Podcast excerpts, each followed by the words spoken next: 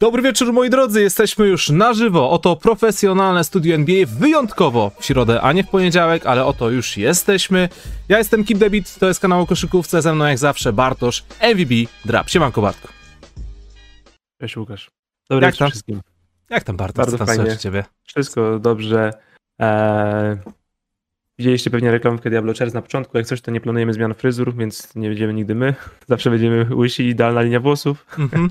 Ale witamy serdecznie sponsora dzisiejszego odcinka i was wszystkich, szczególnie tych, czytam czat, którzy mówią, że się pierwszy raz załapali na studio live, co jest dziwne. Jak mogliście pierwszy raz to dopiero zrobić? Chyba, że macie bardzo poważne, e, cykliczne wymówki w poniedziałek wieczorem, tak jak trening, Życie? Albo nie wiem, albo nie, nie, nie, mówię o poważnych takich, wiesz, nie A. wiem, rajdy robicie w WoWie czy coś. No to nieważne. Fajnie, że jesteście, fajnie jesteście pierwszy raz, nadzieję, że wam się spodoba i zostańcie z nami dłużej, ale y, inne studia już będą w poniedziałki, dzisiaj jest wyjątkowo. Robimy co możemy, tylko po to, żeby zachować ciągłość pro, y, programów. Dlatego było jedno awaryjne z Siedlec, mamy dzisiaj jedno środowe, ale wszystko po to, żeby po prostu nie robić żadnych przerw, bo nie chcemy robić przerw, bo jest super. Dzisiaj będzie, będzie w końcu tak długo już wyczekiwany top 10 półwyspów. Ja się nie wiem, kiedy ostatnio tak jarałem, jak się przygotowywałem do tego. E, patrząc na czat, chyba, że jestem niewidomy, mojej mamy jeszcze nie ma, a to dobrze, ponieważ moja mama uczy geografii w liceum i powiedziała, że przyjdzie mnie oceniać. Bartek, jak 10 lat temu, bo uczyła mnie mama. czy jesteśmy na tyle przygotowani, że przyniosłeś globus? Nie mam globusu Polski, ani zwykłego. E, Miałem Atlas, ale gdzieś mi zapodział się. Nie, jestem, jestem, jestem Łukasz, wiesz, że jestem człowiekiem nowoczesnym i przygotowuję się w internecie. Ja robię notatki w internecie. Mam w komputerze wklikane słowa. To dobrze. Okej. Ja tylko od siebie chciałem dodać, mea culpa, e, z mojej winy poniedziałkowe studio się nie odbyło, ponieważ pomimo tego, że wydałem krocie na nocleg nad Polskim Morzem, nie było tam zasięgu i ciężko w ogóle było znaleźć cokolwiek innego, więc zgodnie uznaliśmy z Bartkiem, że najlepiej było po prostu bezpiecznie przesunąć studio na środę. E, Jakby co, to Polskie Morze, świetne miejsce, polecam e, tylko dla bogatych ludzi, bo, bo, bo drogo tam jest. Łukasz, jak tam hell? Dzisiejszym odcinkiem, w dzisiejszym odcinku przedstawiamy sobie top 10 półwyspów, czyli top 10 najlepszych półwyspów na świecie, prawda? Tak, znaczy, kurczę, wiesz co, właśnie to jest super za zajęcie i tak naprawdę możemy rozszerzyć ten kącik i ja nawet jestem gotowy wystrzawić się na strzał, w sensie możecie mi, mogę nawet podejść do tego w taki sposób, że ktoś mi da topkę i ja mam jej obronić, bo to jest ciekawe. Bo ja mam nieoczywiste top 10 półwyspów, na niektóre mam lepsze, na niektóre mam gorsze uzasadnienia, ale tak, będę bronił ich rękami, nogami i chodzi o to, żeby udowodnić, czemu są najlepsze. Widzę, że moja mama jest. Serdecznie Pozdrawiamy. pozdrawiam. E, sytuacja stała się teraz cięższa. Mam nadzieję, że Łukasza też będziesz oceniała. Witamy mamy oczywiście, cześć. E, I tak. E, Półwysep będzie, Helski. będzie, będzie ogień. Półwysep Helski. Em, Łukasz, masz w top 10 półwysep Helski? Wolałbym o, o nim nie opowiadać. Wolałbym Nie bawiłeś się najlepiej? Wolałbym o tym o tym nie opowiadać. Nie będę tego miło wspominał. Powiem ci tak, wyjecha, no. wyjechałem z Półwyspu Helskiego e, o godzinie 17.40. E, zameldowałem się w pokoju we Władysławowie o godzinie 22.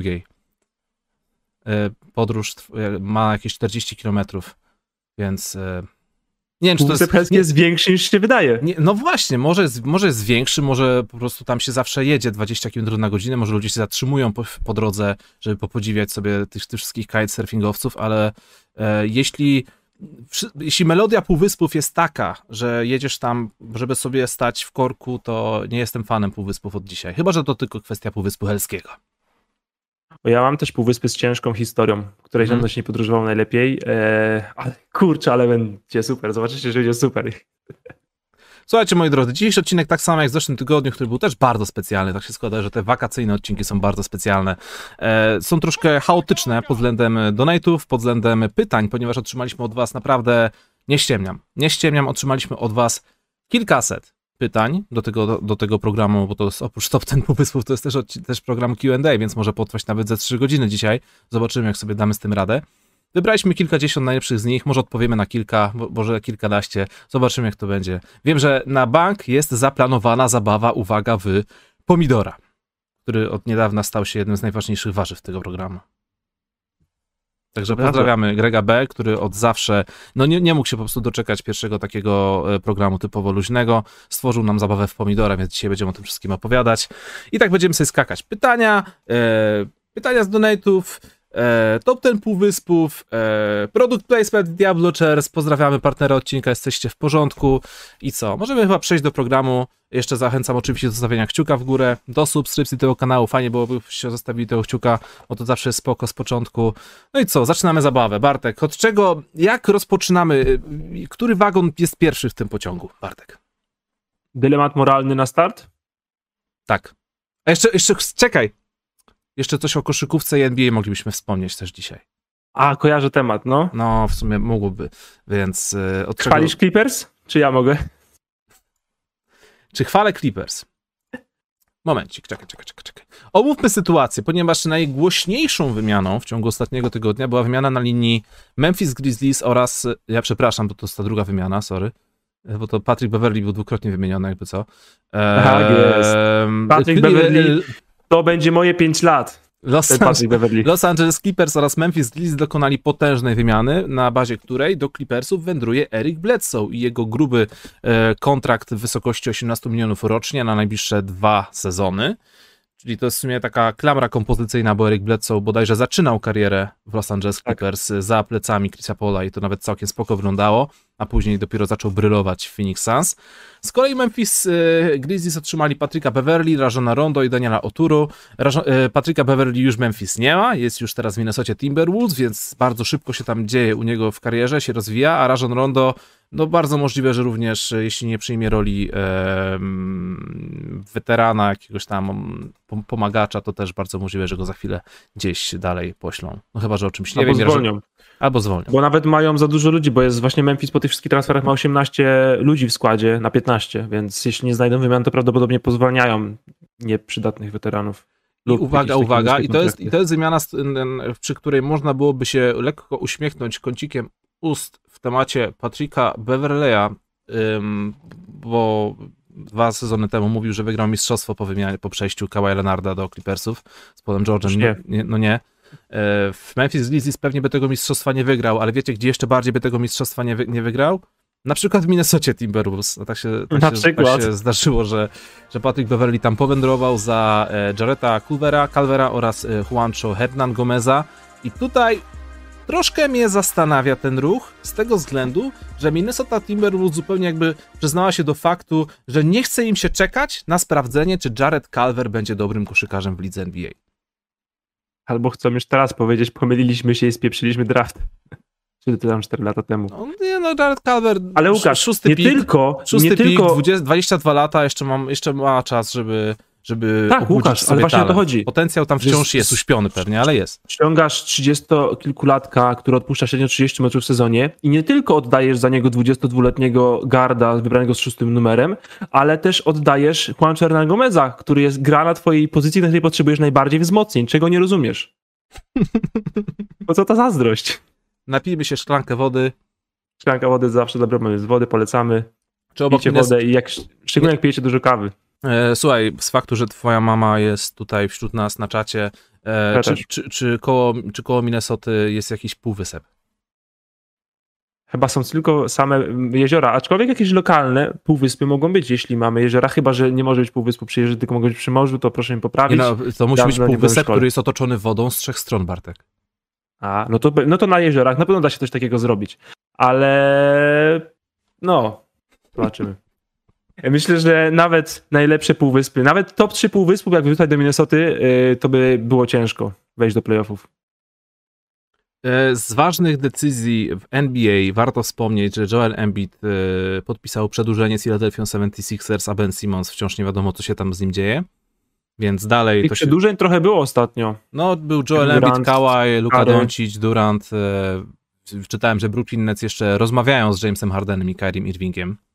To jeszcze, to jeszcze nie jest klepnięte. Josh Hart podpisał przedłużenie e, I Marcus Smart. I żeby nie było e, tutaj, żeby Tak. nie, że jestem stronniczy i tak dalej, chciałbym pochwalić Boston Celtics. Brawo Boston Celtics, że przedłużyliście Marcusa Smarta, bo przynajmniej zapewniliście sobie, że nie odejdzie za darmo za rok. Co się wam zdarzało kilka razy ostatnio. Dobry ruch Boston Celtics, klub koszykówki, który chwalę w tym zdaniu, które właśnie się kończy. I to nie jest najlepszy ruch Boston Celtics podczas tego okienka, ponieważ, uwaga, uwaga, to już jest troszkę odleżały news, ale wciąż bardzo gorący. Dennis Schroeder. Nie rozmawialiśmy o tym jeszcze, Bartek. Zgarnął kapuchę. Niecałe 6 Pieniądze, milionów, niecałe 6 dolary, milionów, mamona. e, niecałe 6 milionów w ramach wyjątku podpisany roczny kontrakt, czy to jest 1 plus 1, nawet nie wiem. sos, E. jednoroczny, oczywiście, że jednoroczny, Jednoroczny, nie dostał. Ani więc- drugiego roku, ani 9 milionów. Więc, więc idzie do Bostonu, żeby znów się pokazać, by w przyszłoroczne okienko wolnych agentów mógł zgarnąć kasę i pozostaje jedynie modlić się, żeby nic mu się złego nie stało, e, bo to różnie bywa, bo na przykład taki Isaiah Thomas swego czasu też chciał mieć e, przedłużenie i ogromny kontrakt, a skończył na tym, że no, że, że nie ma go. Ale był na treningu w Los Angeles Lakers. I trenuje podobno indywidualnie z Russellem Westbrookiem i LeBronem Jamesem. Jako jedyny Oraz Lakersi wprost przyznali się, że szukają głębi na pozycji garda i jest trzech głównych kandydatów. Mike James, który w tamtym roku grał w Brooklyn Nets i całkiem nieźle pokazał. Darren Collison, Darren Collison, co roku, Lakersi. Lakersi co roku chcą Darrena Collisona i zawsze jest jakiś powód, że, nie, że go nie zgarniają. Ciekawe jaki no bo, będzie się tym jednak, bo jemu się jednak nie chce grać w koszykówkę chyba do końca za każdym razem, a jednak potem sobie myśli, no trochę bym zarobił, potem zaczyna trenować, no jednak mi się nie chce grać w koszykówkę oraz właśnie Isaiah Thomas. A czy przypadkiem Więc- rok, rok czy dwa lata temu y, Collison mm, nie odmówił y, dwuletniej em, umowy po 10 milionów, czyli 20 baniek, całkiem spoko kwota, właśnie w ramach tematu, że y, no, rodzina jest dla niego najważniejsza, to były Tak, kwestie tak, tak. religijne. On, on, no, on, on go, przecież on chyba jest jeszcze przed 30. On był, wiesz, on był jakby w prime swoim fizycznym, był jednym z lepszych takich, wiesz, e, backupów na, na gardzie dostępnym w NBA i tam był spore zainteresowanie nim ogólnie, nie tylko Lakersów, ale on uznał, że, że nie chce grać w koszykówkę, bo ma inne rzeczy do roboty i, i dlatego właśnie zniknął z tego, ale no w każdej chwili może wrócić i może wrócić do Lakers. I Ale czy, czy to no- oznacza, że dogadał się z rodziną i że w sumie jednak może grać w kosza?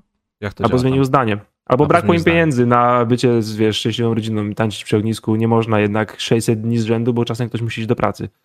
Też prawda. Były takie Najłatwiej chyba jednak wysłać jedną osobę, na przykład taką, która może zarobić 5 milionów w ciągu roku. Mhm. Ale fajnie byłoby, fajniejsza historia byłaby mimo wszystko, gdyby to Isaiah Thomas e, e, wrócił do Lakersów, bo w sumie grał tam przecież u boku LeBrona Jamesa.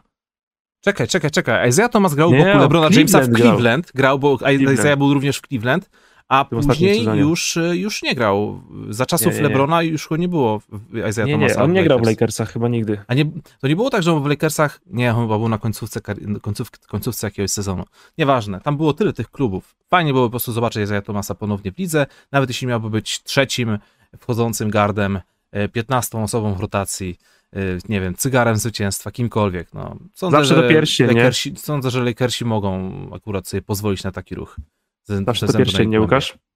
Łukasz? Też, też pierścień. Ale Łukasz? Albo po prostu e, sama miłość do gry w koszykówkę na najwyższym poziomie, jeśli uważasz, że na taki poziom zasługujesz. Albo pierścień. Eee, zachęcamy wszystkich bardzo serdecznie do dawania łapek w górę, ponieważ skuteczność mamy gorszą niż wszyscy debiutanci w lidze letniej. A ona wcale nie była dobra, więc y, tak, Jak oglądasz top 10, to akurat była super. Tak, tylko top ten. No. Czy widziałeś chociaż Oglądasz jeden mecz Ligi Letniej? Cały? Nie.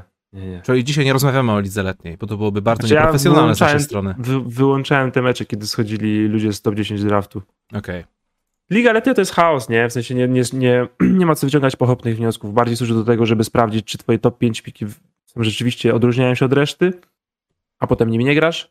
Oraz czy twoi drugoroczniacy rzeczywiście po roku grania y, z dorosłymi ludźmi w koszykówkę przychodzą i też wyraźnie się odróżniają. A reszta to... Kto wygrał ligę letnią? No kurde, Sacramento Kings. Gratulacje, gratulacje Sacramento Kings, bo to jest jedyny klub w historii całej NBA, który wygrał Ligę Letnią więcej niż raz. I to jest osiągnięcie. Banery A ostatnio... powiewają. Czekaj, czekaj, muszę to sprawdzić. Co potrzebujesz sprawdzić, Łukasz? Moment, bo to jest ważne, bo to jest naprawdę ważne. Ostatni raz, okej, Sacramento Kings ostatni raz byli w, playoffach w 2006 roku, ale wygrali od tamtej pory w ogóle dwa razy Ligę Letnią, więc No i co? I lepiej było w trakcie tego czasu wejść do playoffów, czy wygrać dwa razy ligę letnią? Niech wszystkie, niech wszystkie Atlanty, Hawks tego świata zadadzą sobie pytanie. Nie no, akurat Atlanta była w finale konferencji, więc niech tam Eee, będzie, ale Dzisiaj, dzisiaj będzie chyba dużo, przynajmniej kilka pytań o Atlantę i w ogóle o Trey Younga, o Luki Doncicia. Ile masz pytań w ogóle na dziś? Ile sobie spisałeś? Bo ja widziałem, tam miałeś u siebie na fanpage'u kilka, nie? nie jest kilkadziesiąt mam zadanych, ale mam tak e, z 15-20 myślę, że do zadania, ale nie jestem bardzo im przywiązany. Nie jestem gotowy na tej koszykówce. Jestem, ja dzisiaj chcę półwyspy i I moralne dylematy. Łukasz, zaczynamy od moralnych dylematów? Eee, tak, bo chciałem w sumie puścić ze dwa donaty, żeby to tak było chaotycznie, lubię tak. Puśćmy dwa donaty, a potem moralny To jest donate, który wleciał w zeszłym tygodniu e, podczas naszego e, le- streamu bezpośrednio live w Krakowie o 22.40, czyli 5 minut po zakończeniu naszego streamu. Mgła is the Fog zapytał, czy będzie podsumowanie ruchów Lakers, bo tak wspominaliście, że wrócicie do tematu, a pewnie koniec streamu się zbliża. No i ząk, ponieważ Mgła is the Fog e, miał rację. Gadaliśmy przez ponad dwie godziny. Headlinem naszego programu było to, że Carme- Carmelo i LeBron są znów razem, ale tak się rozgadaliśmy na tyle różnych tematów, że jakoś tych Lakers tak pobieżnie poruszyliśmy. Śmiesznie, co nie, Bartek? Zdążymy. Ile mamy? Chyba 6 tygodni do rozpoczęcia obozów przygotowawczych. Ja rozumiem, że potrzebujecie więcej kontentu o Lakers, ale spokojnie, zapewnimy go wam, ale nie dzisiaj. Co, okej. Em, jakby co, to w 23 albo 30, 30 przygotowuję segment o dobrych y, rzeczach z Cleveland. To Za jestem w stanie obiecać. Nie, za, nie wiem, czy za tydzień, w sensie za 5 dni, bo jest środa, y, czy za, za dni 12, ale, ale, ale, ale przygotuję na pewno jeszcze w sierpniu, więc szykuje się super. A w Super. międzyczasie jeszcze jeden donate i przechodzimy do dylematów moralnych. Kombres, dziękujemy za donate, pozdrawiamy, to jest pierwszy, który dzisiaj wpadł. Co sądzicie o niezłomnej lojalności Damiana Lillarda? W organizacji chaos o brak wzmocnień podczas okienka transferowego, a Portland od kilku lat bije się co najwyżej o first round exit albo o ósmy seed. Czy Lillard będzie żałować tylu lat w niekompetentnej organizacji? O kurde, Bartek, to są mocne słowa. Czy, czy, czy y, Portland, Portland Trail Blazers to niekompetentna organizacja? Czy oni się plasują bardziej w tej, tej trzeciej dziesiątce, czy gdzieś po środku? Ja myślę, że to są mocne słowa o niekompetentnej organizacji, bo jakie niekompetentne ruchy? W sensie można ich krytykować za brak ruchów, ale które ruchy, jak już coś robili, były tak wolne? Można ich krytykować za brak albo za opieszałość. To myślę, że tak, ale koniec końców jest to organizacja, która się rokrocznie melduje w playoffach. Mhm. Była raz w finale konferencji i generalnie Mhm. jest organizacją wygrywającą. Tak. Mimo, że po pierwszej połówce y, dekady odszedł od nich najlepszy zawodnik. Marcus Aldridge, w wolnej agenturze. Więc to nie jest tak, że coś wiesz, wymienili, coś dostali. Tylko odszedł od nich po prostu zawodnik. Pół jakby budowania tej drużyny, rozwijania. W momencie, w którym miała szansę być najlepsza, czyli po sprowadzeniu Arona, nieważne, Sixmana, którego mi zawsze brakowało przez pierwsze 5 lat tamtej dekady, Mhm. Achillesa zerwał Wesley Matthews i skład się posypał. Ta drużyna, która miała szansę w tamtych latach funkcjonować świetnie, Aaron Aflalo, Ś- Tak. czyli Lillard, Matthews, Batum, e, Aldridge, Robin Lopez, to była świetna piątka, której brakowało. Ławki, brakowało Sixmana, sprowadzili Aarona Aflalo, który tam tego czasu był e, naprawdę dobrym gościem do gry w koszykówkę. I zajął im dwa tygodnie, żeby Wesley Matthews zerwał Achillesa i znowu skład się zrobił zbyt krótki, nic z tego nie wyszło.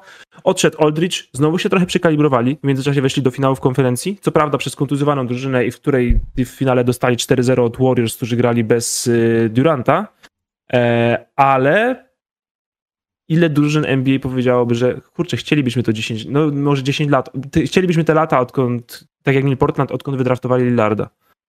A sam Lillard w międzyczasie, przypominam, nie jest MVP. Jest świetnym zawodnikiem. Wiecie, że go uwielbiam, ale nie jest LeBronem, Kevinem Durantem, Karym, ani Mhm. nawet Hardenem sprzed trzech lat. Ale jest top ten. Ale jest top ten. To na pewno, to zdecydowanie rok rocznie jest top ten tak naprawdę. Myślę, że szybciej tam był niż zaczęliśmy o tym mówić. Eee, I kurczę, tak naprawdę chcę, że chcę, musielibyście pokazać mi te ruchy, które uważacie, że były okropne. No może nie, nie, nie, draftowali najlepiej. To mówię.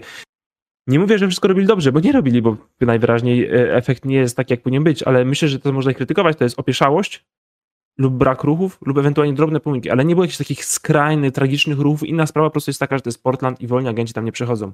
Ale to jest problem e, jakiś pewnie 25 z 30 drużyn. Okej, to jeszcze puszczam jednego donata, bo to są w sumie takie pozdrowienia sympatyczne od Eryka. Dziękujemy Eryk, pozdrawiamy. Siema, dziś donajcik bez żadnego trybu, miłego. A gifem pozdrawiającym ten donate jest Crackers? Nie wiem. Albo stempel, albo znaczek, albo Crackers? Bilet może taki stary. Nie wiem, Bartek. Łukasz w porządku? Tak, wszystko jest w porządku. Dziękujemy, Eryk, jesteś w porządku. Czas na e, dylemat moralny. Bartek, let's go. E, dylemat moralny numer jeden, Mhm. ponieważ e, będzie ich dzisiaj kilka. E, pytanie od Natalii Gilewicz, którą bardzo serdecznie pozdrawiamy. O, E, Pozdrawiamy. Przypadkowe pierwsze pytanie. tak. Łukasz, całe życie w kroksach, czy całe życie w sandałach i skarpetkach? Wiesz mądrze. Koniec statu. Całe życie w sandałach i skarpetkach. Kroksy są bardzo przereklamowane, ponieważ gdy przyjdzie zima, to y, śnieg i, znaczy śnieg, e, ta, ta, to zestawienie błota, węgla i tego białego, co z góry pada, bo to tak w Polsce wygląda, wchodzi ci przez te dziury, jest ci zimno, palce ci odmarzają. Sandały w skarpetach, w sensie skarpety w sandałach są w porządku, bo stopa ci się nie ślizga, nie jest trzepocona dzięki skarpetom, jest ci ciepło w zimie, e, jest to w porządku. E, Jakbym miał wybierać, to tak, zdecydowanie. Ale chlapa również dostanie cię do stóp, kiedy jesteś w sandałach i skarpetach. To prawda, i później jestem y, dłużej to się wietrzy, bo skarpety dłużej trzymają wilgoć niż ludzka stopa, ale wciąż jednak y, go y, skarpety w, sandałach. Naprawdę? To jest, Rozumiem. to jest pierwsze pytanie dziś. Tak. Dobrze, Bartek. Jaka jest twoja z odpowiedź? wysokiego C. Jaka jest twoja odpowiedź w takim razie, powiedz. Moja odpowiedź? Tak. E, tak naprawdę wolałbym wybrać jakiś ciężki wyrok niż jeden z tych dwóch, No. ale jeśli ktoś przystawia mi pistolet do skroni i zmusza mnie do wyboru, to pokornieję i chodzę w kroksach, żeby zachować chociaż resztki honoru, jeśli nie mogę zachować godności. Bardzo słuszna odpowiedź. E, Taka... Widzę, że trzymasz się swoich ideałów. Tak, chodzi o to właśnie, żeby zachować cokolwiek, jeśli już tracę tak dużo, żeby zachować cokolwiek. Ja, ja mam do ciebie też pytanie od, y, od Patrycji, od y, Cichsza. Będę tak sobie żonglował pytaniami między ins- z pytania z Instagrama, YouTube'a i Facebooka. Teraz mamy pierwsze z Instagrama od Patrycji. Ym, odnośnie tego naszego stylowego zdjęcia, pozowanego. Czy niezamykanie płynu do naczyń o czymś świadczy? Bo tam w tle stał twój płyn do naczyń. Eee, przybliżysz sobie to zdjęcie. Mhm. Zobaczcie, jest na, jest na miniaturce tego streamu.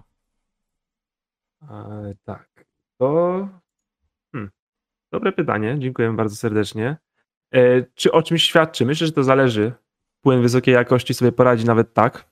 Mhm. Zależy też, jak mocne jest otwarcie, bo jeśli jest ci niewygodnie je otwierać, kiedy masz na przykład ręce pełne piany, bo już zmywasz, ale brakło ci, brakło ci w gąbce po prostu. Ja robię zazwyczaj tak, że po prostu przymykam. Nie zamykam, ale przymykam, a e, to, co się dzieje na zdjęciu, to jest efekt nie moich działań, więc nie powinienem chyba za nie odpowiadać. Wysoki sądzie. Dobrze. E, to dawaj kolejne pytanie, bo ja tu, wiesz, ja tu mam jeszcze sporo ich. Dobra, kolejne trudne pytanie. I pytanie, które zmusza nas do e, narażenia się. Narażenia? Nie, narażenia się połowie, połowie Polski, bo myślę, że odpowiedź na to pytanie, e, jeśli ją zrzutować na mapę, to widać zabory. Łukasz, winiary czy Kielecki? Uuu, Pytanie od e, Wina Kabuki, którego też bardzo serdecznie pozdrawiamy. ale wiesz, że tak rozsądek nakazuje mi powiedzieć, że kielecki, ale jednak bardziej mi smakuje winiary? Łukasz, jesteś wolnym człowiekiem, odpowiadaj zgodnie ze swoim No, sercem. myślę, że bardziej winiary. Mamy to, 2-0, winiary, oczywiście, że tak. No kurde, mamy! Tak jest! Tak jest! Let's Dobrze. go! Tak Ale jest. było gorąco, bałem się No. tego pytania bardzo. Dobra, Dobrze, stary, możemy kolejne lecieć. pytania mam do ciebie od Kuby CSKI. Y, Pytanko z YouTube'a. Czy wspólna repre- reprezentacja Wołczyna i Krzepic pokonałaby Sacramento Kings?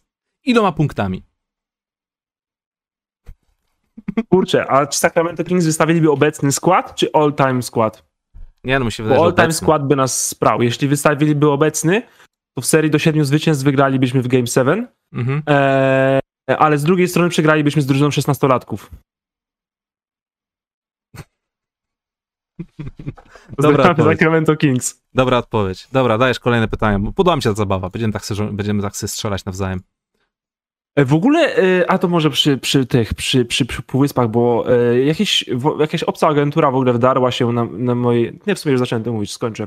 Jakaś obca agentura wdarła się w sekcję komentarzy pod moim postem Mhm. i zaczęli mieszać nam w głowach, bo na przykład ktoś nam zasugerował, że o, Sachalin musi być w top 3 półwyspów. I ja się boję, czuję presję. A przecież Sachalin to wyspa. O stary, otwarta, otwarta prowokacja. może po prostu po pierwsze kolega chciał cię mm, puścić w maliny. To To jest pierwsza, prowokacja, Łukasz. pierwsza kwestia. A druga, e, może to była też taka zagrywka, że powinien się zastanowić nad tym, czy na pewno jesteś osobą, która powinna sugerować się e, wpływem innych. Bartek? Łukasz, Czy moja uważasz, mi się jesteś, bardziej nie uważasz, że jesteś lepszy od tego, Bartek? A jesteś racjonalny. Łukasz, dajcie teorię spiskową do ręki, No. a ty co? Racjonalizujesz. Ja uważam, że to była obca agentura, jakiś lobby, tylko jeszcze nie wiem jakie, ale dowiem się i wrócimy do tego i dla wszystkich, jeśli ktoś kiedyś zasugeruje wam, zasugeruje chociażby jakkolwiek lekko w rozmowie i nie myślcie, że się pomylił, że Sachalin to był wysep, myli się, Sachalin to wyspa. I nie może brać udziału w żadnym konkursie ani plebiscycie, w którym biorą udział półwyspy. Bartek, to jest bardzo prywatne pytanie i, i, o dziwo nie będzie, nie będzie śmieszne. Będzie po prostu poważne, normalne pytanie. Takie też tutaj Dobrze. dzisiaj będą, ok, Bartek?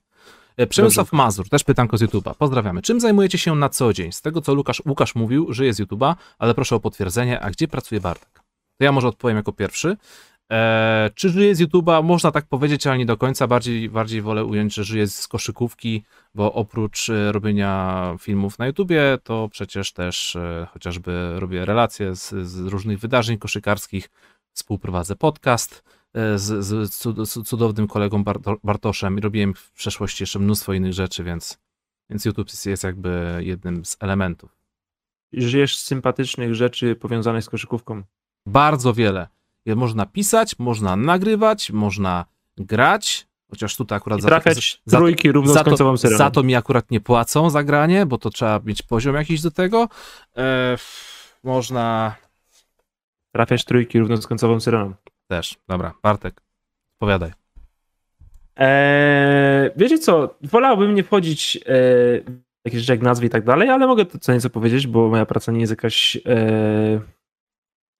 niezwykła. Mhm. E, pracuję w zagranicznej korporacji, tutaj w Krakowie i obecnie zajmuję stanowisko team lidera. Czy jesteś Polakiem? Od kilku miesięcy. E, ciężko powiedzieć. Zdania są podzielone. Niektórzy mówią mi, że nie jestem, niektórzy mówią, że jestem. Nie wiem, kogo słuchać. Mhm. Ale może tak, jak powiedziałeś wcześniej, nie powinien się po prostu tego odnosić i myśleć to, co sam wiesz. Na kogo głosowałeś? E, Łukasz, bez przesady. Żartowałem. Bez przesady. E, więc tak, więc pracuję po prostu w międzynarodowej korporacji i kieruję no. zespołem 10 osób, od 8 do 12 to się to zmienia, ale to od kilku miesięcy wcześniej zajmowałem się, e, hmm, jakby to powiedzieć, w czym skrócie, pisaniem treści. To znaczy, jeśli trzeba było coś ładnie zredagować oraz ułożyć ciąg logiczny na temat na przykład jakąś procedurę w pracy, w sensie jakiś jest proces i trzeba ułożyć jak, tym, jak w tym procesie sobie się orientować, jak sobie radzić i jakie kroki powinno się przedsięwziąć, żeby to rozwiązać, to ja takie rzeczy jakby pisałem, redagowałem i dbałem o ciągłość logiczną oraz językową. Jesteś copywriterem od instrukcji, Bartek. To by się nazywał content specjalista, ale coś w tym guście byłem, teraz nie, teraz jestem kierownikiem. To bardzo zespołu. dobrze. Czyli generalnie ja uważam swoją pracę za to, żeby po prostu ułatwić tym ludziom jak najbardziej życie. To, ja zawsze, to jest bardzo, to jest zawsze dobry sposób na, na zarabianie. Ja patrzę na swoją pracę po prostu tak, że robię to, co trzeba zrobić, tak, żeby ludzie w moim zespole mieli lepiej w życiu. Okej. Okay. E, mam zadać pytanie kolejne, czy, czy, czy twoja kolej? Tak, śmiało. Czy to jest moment, albo nie, inaczej, słuchajcie, bo jest strasznie mało tutaj kciuków w górę. Zapraszamy wszystkich do stawiania kciuków w górę, jeśli będzie ich powiedzmy 420, to zagramy w pomidora. Uuu. No, będziemy później tak podskakiwać, będziemy, będziemy podskakiwać coraz wyżej. Będzie, będzie 500 to półwyspy, jak będzie 600, nie wiem. E, pokażesz na czym siedzisz, takie rzeczy. Co ty na to? Nice. nice. Okej. Okay, um...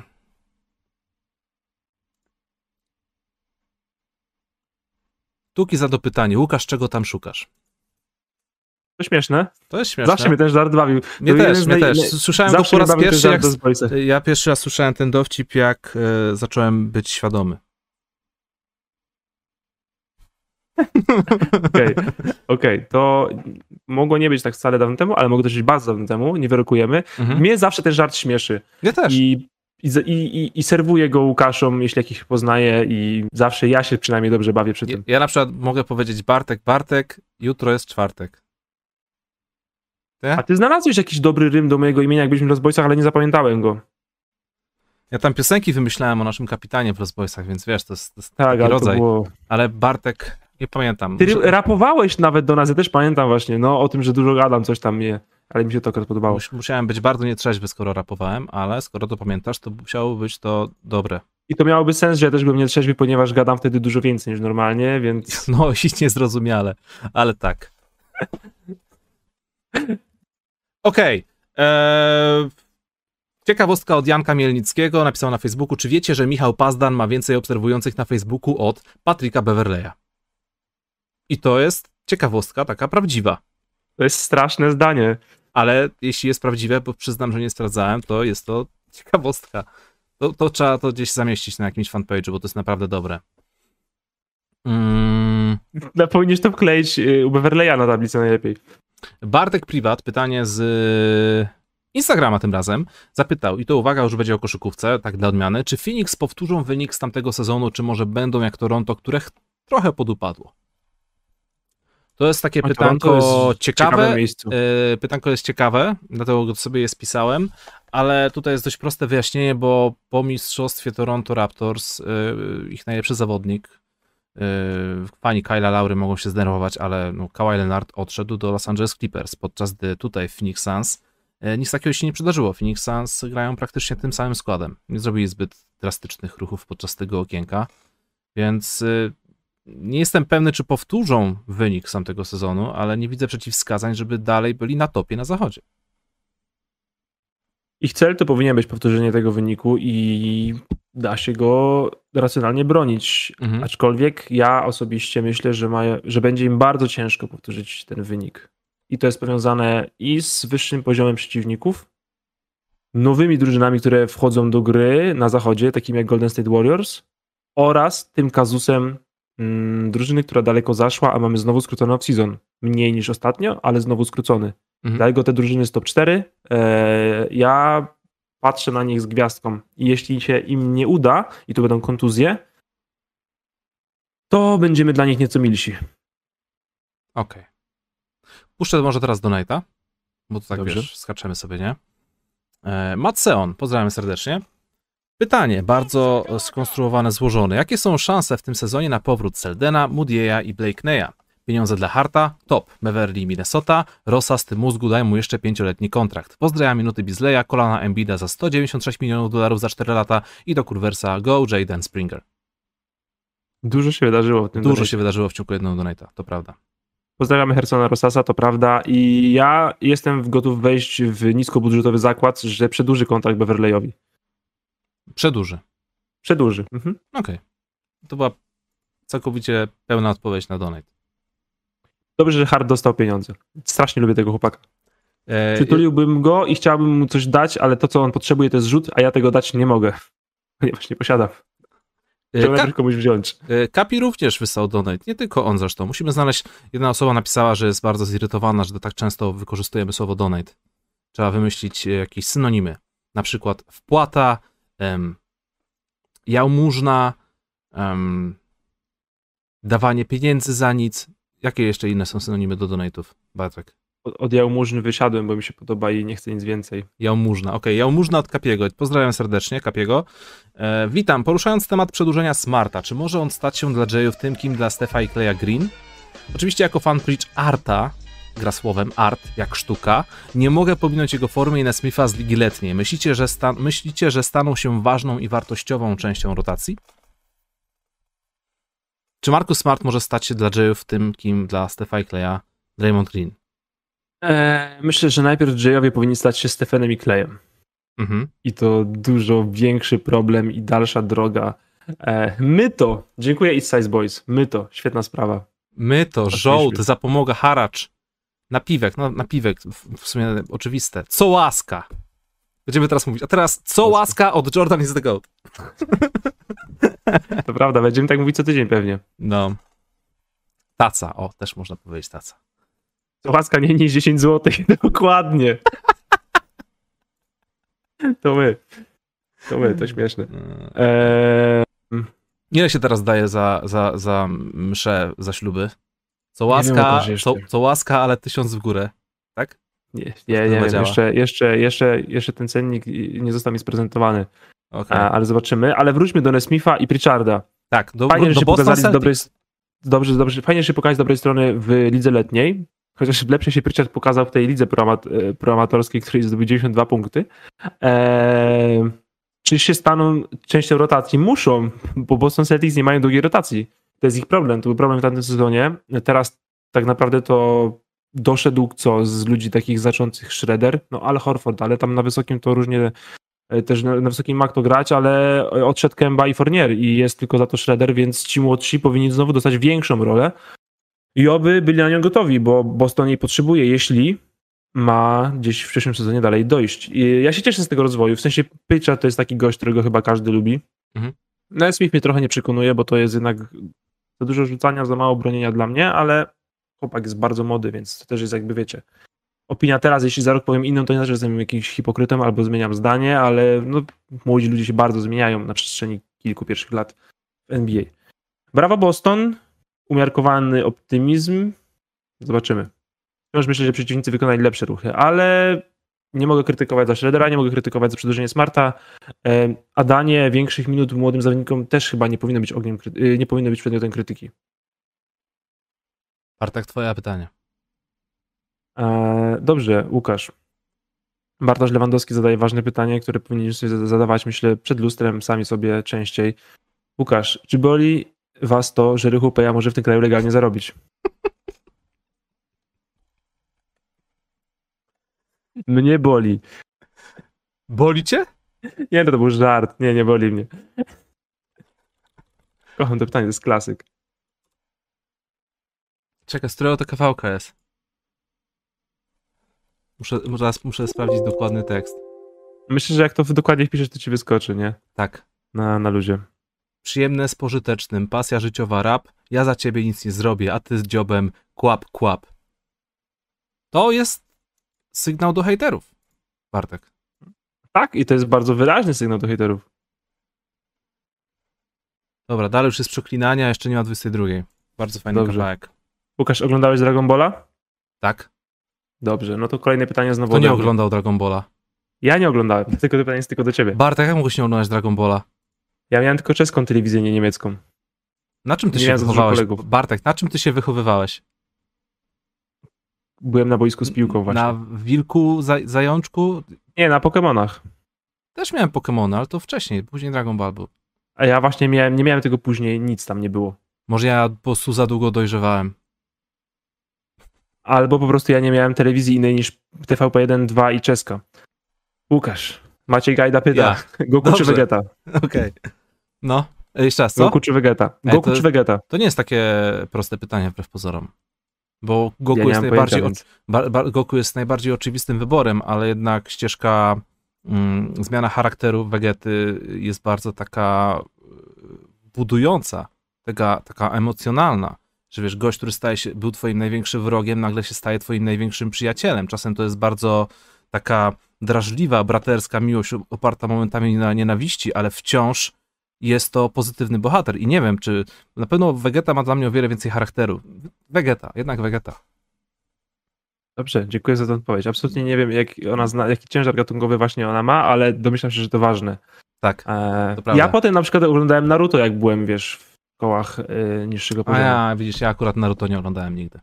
Ajajajajaj. Tacy podobni, a tak różni. Ty, a biegałeś tak z tymi rękami do, do tyłu? Tak. Nie, nie, nie. Nie miałem, kole- nie miałem kolegów i bez tego. Aha. Dobrze. Em, to ja może teraz. O, tablizm Beszki, również pytanie z Instagrama. Jak kraść to miliony? Jak kochać to księżniczkę? Jak grać to z. Twoja kolej? Eee, mam to skończyć po prostu? Tak. Mam po prostu wybrać sobie kogoś do gry Tak. I wybieram. E, wybieram pewną rękę za trzy na rozegraniu. Dobre podanie w pick and rollu. Kreatywny Łukasz Szwonder. Mój A, przestań, podebrałeś mi pomysł. Teraz jak ja powiem, powiem, ciebie, powiem, powiem ciebie, to będzie zbyt ciepło. Tak, w, zeszłym, dokładnie. w zeszłym tygodniu y, termostaty wywaliło w kosmos, jak byłem w Krakowie, więc... więc... A, Ale to prawda, ja A. bardzo lubiłem granie pick and, Bardzo lubiłem grać z tą pick and rolla. powiedziałeś, że podam. Albo do Tak, ciebie, albo w jeśli- aut. I- Ale tak, ale podam, podasz. ale podam. Tak. Chyba, że się nie ruszę z miejsca, to wtedy rzucisz. To, to też prawda. nie było złą opcją. No tak, Lubiłem grać pick and roll, no to prawda. bo jak stoisz na trójce i patrzysz, jak piłka leci z trójki, kolegi jest ten, to wtedy się możesz bardziej jarać, kiedy wpada. Albo mogę zebrać. Więc No co Bartek, mam teraz powiedzieć, że najchętniej bym, jak, jak y, to biliony, jak grać to z Bartkiem Drabem. Ja ja to chciałem że- powiedzieć, ja to chciałem powiedzieć, ale teraz to będzie, wiesz, to będzie takie... Możesz, Łukasz, powiedzieć zamiast mnie na przykład swojego gołta. Magic Johnson, tak? No przynajmniej grać z Magiciem? Stary, Magic Johnson by im postawił zasłonę, podałby mi piłkę zawsze. Tak. Za każdym razem by cieszył do mnie ryja, kiedy trafię rzut. Tak. Z LeBronem to tak nie do końca, nie? Czasem LeBron by tak patrzył i tak, jakbym nie trafił, to już w ogóle by, pan, by pewnie krzywo na mnie patrzył. A Magic I- Johnson i jakbyś zawsze nie rzucił, jakbyś nie Brawo trafił, no. Łukasz, brawo! Ja, ja lubię takie, taką, taką motywację boiskową. Dobrze. No i to jest fajny wybór, no. To Okej. jest fajny wybór. A widzisz, Alicja napisała na czacie, Bartek, mogłeś wybrać e, Lebrona. Nie komentuję pytań o Lebrona i, i, i, i Jordana. E, Przypominamy o tym, że za 420 lajków będzie zabawa w pomidora, a dalej będzie top ten półwyspów i jeszcze więcej super pysznej zabawy. E, A teraz e, przejdziemy do Donate'a tym razem. Ja, myta od Average MVB Enjoyer, pozdrawiamy. Siema, być może poruszyliście ten temat, ale i tak zapytam. Czy wierzycie w powrót potężnego Monte Elisa i jak tak, to gdzie byście go widzieli? Pozdrawiam prowadzących jak zawsze. Idealna linia włosów. Dziękujemy za komplement. Dziękuję bardzo. Monta Ellis, e, nie, nie słyszałem szczerze mówiąc żadnych plotek na temat tego, czy Monta mógłby wrócić. E, A jeśli takie plotki faktycznie biły, to stawiałbym je na równi z powrotem Jimera Fredet, więc, więc nie Łukasz, widzę tego. Monta Ellis czy Ty Lawson? O! Ty Lawson czy Isaiah Thomas może? Jeszcze. Pójdźmy dalej. Coraz idziemy w dół. We have to go deeper. Czajcie, śmieszny humor, poziom czy- wzrostu. y, Słyszałeś jakieś takie plotki? Czy to jest Nie, nie takie... słyszałem takich plotek. ciekawostka. E, wydaje mi się, że nie. Że Monty, Monta Ellis nigdy nie był na tyle lubiany, żeby z takiego nawet fejkowego powrotu zrobić historię. Też Brandon Jennings zrobił większą historię powrotem e, niż Monta Ellis. No pewnie, teraz, mi teraz Monta- jeszcze wyobraź sobie taką historię Brandona Jenningsa, że zmotywował go em, z, no, mistrzostwo Milwaukee Bucks go zmotywowało i e, wygrali w sześciu meczach tak jak on ten i to go tak wzięło, że on chciałby wrócić do tej koszykówki i będzie wszystko super, dajcie mi szansę. To byłby fajna historia, to byłby headline. W szczególności teraz, Tak, e, właśnie w okresie To byłyby ogórkowym, ogórkowym, Tak. nie? To były nagłówki, a Monta Ellis wydaje mi się, że nawet nie mógłby nagłówków wygenerować. Przykro mi. To jeszcze jeden donate na szybko e, od WDSG NV XZ NV ZX VSCZ. Łukasz, halo? Łukasz, zacząłeś jest- się. Znaczy, jak myślisz, czy to jest ksywka, którą miałem przeczytać, żeby było zabawnie, czy po prostu komuś się nie chciało wpisywać po prostu e, nika w polu? Jak myślisz? Ja mam nadzieję, że tak wszyscy się do niego zwracają. Przede wszystkim mama. Panowie, jaka szansa na Simonsa w Minnesocie? Sądzę, że, że bliska zeru, a gdyby tak się wydarzyło, to wow. Ale byłaby beka z Bena Simonsa straszna. E, wiecie Było- było co? okrutne. Ja myślę, że to mógł być spoko, świeży start dla nich, ale myślę, że to jest taka szansa.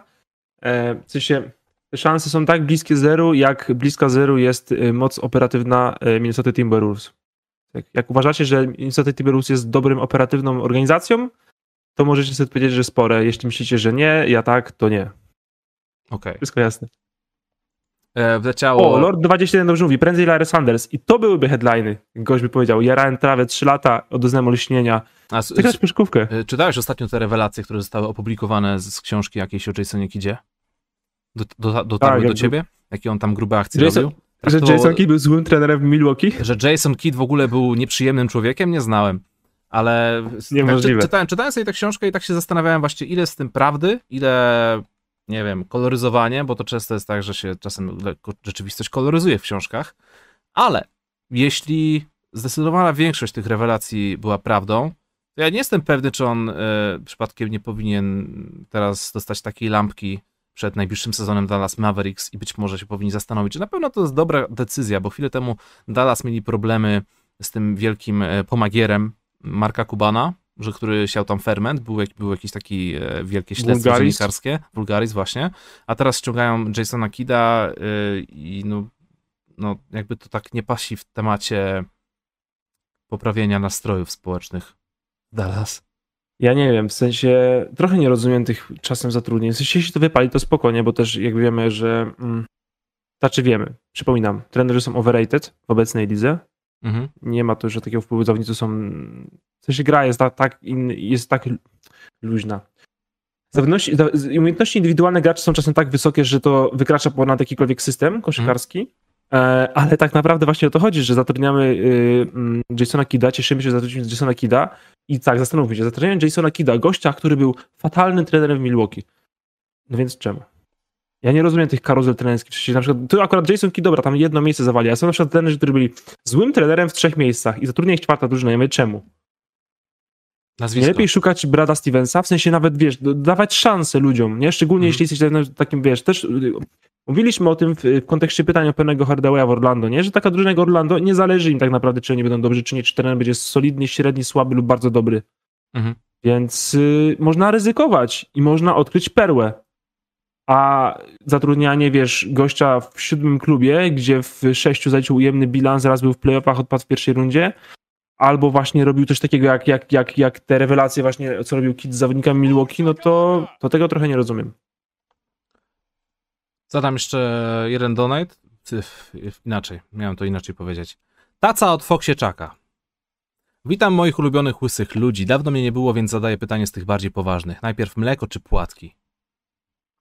Też dostałem to pytanie chyba z trzy razy. Ja też. To jest chyba takie bardzo popularne pytanie do youtuberów, e, tak mi się wydaje. Podobnie jak schabowy czy mielony, coś w tym stylu. Po- Pozdrowienia dla Maka, e, twórcy serii To czy To, bo on pewnie też często zamieszczał te pytania do tych wszystkich ludzi, których tam przepytywał. E, Więc pierwsza część pytania, mleko czy płatki? My to mówiliśmy wielokrotnie, prawda? Trzeba wsypać płatki, żeby wiedzieć ile mleka wlać. Dokładnie, nieodwrotnie. Dziękuję. To już kolejne 2-0, Bartek. Tak jest, ale I- wiemy, że jest zbyt ciepło, więc nie cieszymy się za bardzo. Dokładnie. To się tak. A tak serio, to co myślicie o Simonsie? Widziałem filmik, gdzie rzuca chyba 10 trójek z rzędu. Pozdrawiam wszystkie psiaki. To jest najfajniejsza część Donate'a. Pozdrawiam wszystkie psiaki, jesteście w porządku. Naprawdę. To psiaki sprawiają, że gdyby psy nie istniały, to wydaje mi się, że ludzkości by już nie było. Wszyscy by się już naprawdę pozabijali. No bo chodzilibyśmy ze szczurami na smyczy. Co myślisz o Simonsie? Bo filmik jest, gdzie rzuca chyba 10 trójek z rzędu. Ja znajdę wam filmik, że Dwight trafia 20 z rzędu. Javan McGee tak samo. albo Javal McGee, no, więc e, filmiki z trening, wiecie, wiecie. E, treni- ci, ci wszyscy ludzie są świetni w koszykówkę, e, ale przełożyć to na parkiety najlepszej ligi świata to trochę inna sprawa. I też nie chodzi o to, żeby Simons zwalił 10 trójek w meczu, tylko chodzi o to, żeby po prostu go kryli, nie? Jakby też wiemy, że najlepszy Simons będzie Simonsem, który wjeżdża do kosza, ale musimy do tego mieć miejsce. Tak samo z LeBronem, nie? LeBron się nauczył rzucać nie po to, żeby stać się najlepszym snajperem. Chodzi o to, że LeBron, najlepszy LeBron to był LeBron wjeżdżający do kosza. Tylko do tego właśnie też trzeba mieć miejsce i też trzeba e, zmusić ludzi do trochę trudniejszego krycia. I to tylko po to się ma wydarzyć, więc mówię, to goś nie masz stać się snajperem, ma po prostu stanowić jakiekolwiek zagrożenie. A w Minnesocie, no to hulaj dusza, nie? Co tam, kogo to obchodzi? Tak, zobaczy to sześć osób. Ale tak już naprawdę próbując to wejść, no to pasowałby do Minnesoty, bo tam każdy rzuca, Mhm. a nikt nie broni. Więc i presja jest zerowa, jest zimno, więc generalnie wszyscy zamarzną, zanim tam przyjadą zadać jakieś pytanie trudne. Więc y, why not? No, Uwa- uwaga, Nie żart. Skoro w Minnesocie jest zimno, to powinni zakontraktować naszą dwójkę. Kto czai, niech się pochwali na czacie. Rozumiecie? E, Bartek, może teraz ty. Ja czaję. Może teraz twoje pytanie. Dobrze. Jak tam, jak tam y, studnia jeszcze tam masz? Bo ja mam jeszcze chyba 40. Mm, Ja nie mam tak dużo, eee, ale eee, jest, jest, jestem ciekawy w ogóle, czy, czy też na nie możesz odpowiedzieć. Mhm. Oglądałeś dokument Malice at the Palace? Właśnie jeszcze nie, nie miałem kiedy. Ach, dobra, to możemy odłożyć to, bo ja obejrzałem. Ale podobnie Eee, jak, jak Malice e, at the Palace jeszcze są, jeszcze się pojawił przecież e, ten, ten cykl odcinkowy australijskiej telewizji na temat Luka Longleya. Już pierwsze dwa odcinki też wyszły i też warto byłoby je obejrzeć i Wiesz, na zrecenzować. Netflixie to jest? E, To jest akurat za darmo na YouTubie, można, możesz sobie, Uuu. wyślę ci później linka. E, Dobrze. Więc, więc ten, no musimy, muszę właśnie ponadrabiać takie e, wartościowe, długo, dłuższe materiały. Możemy sobie Ja obejrzałem ten. On to nie jest, Palace jest godzinny, więc jest Mhm. git. Eee, obejrzyj. To wspomnimy o nim kiedyś indziej. Dobra, to za tydzień, za pięć dni. Dobrze. Okej. Dobrze.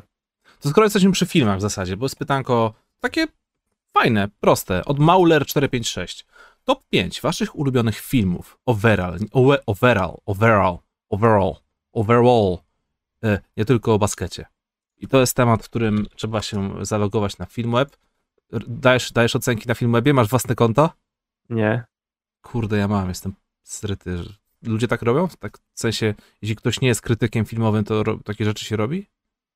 E, ludzie to robią, wiem, bo dużo ludzi ma te swoje, ma te konta tam prowadzą je, ale E, Ja tego nie robię.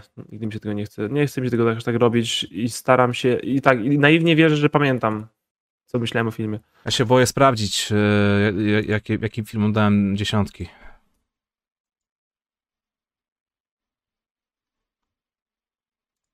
Szybkim wściekłym pewnie, Łukasz, nie? Sharknado. Łukasz? Nado! Tak jest.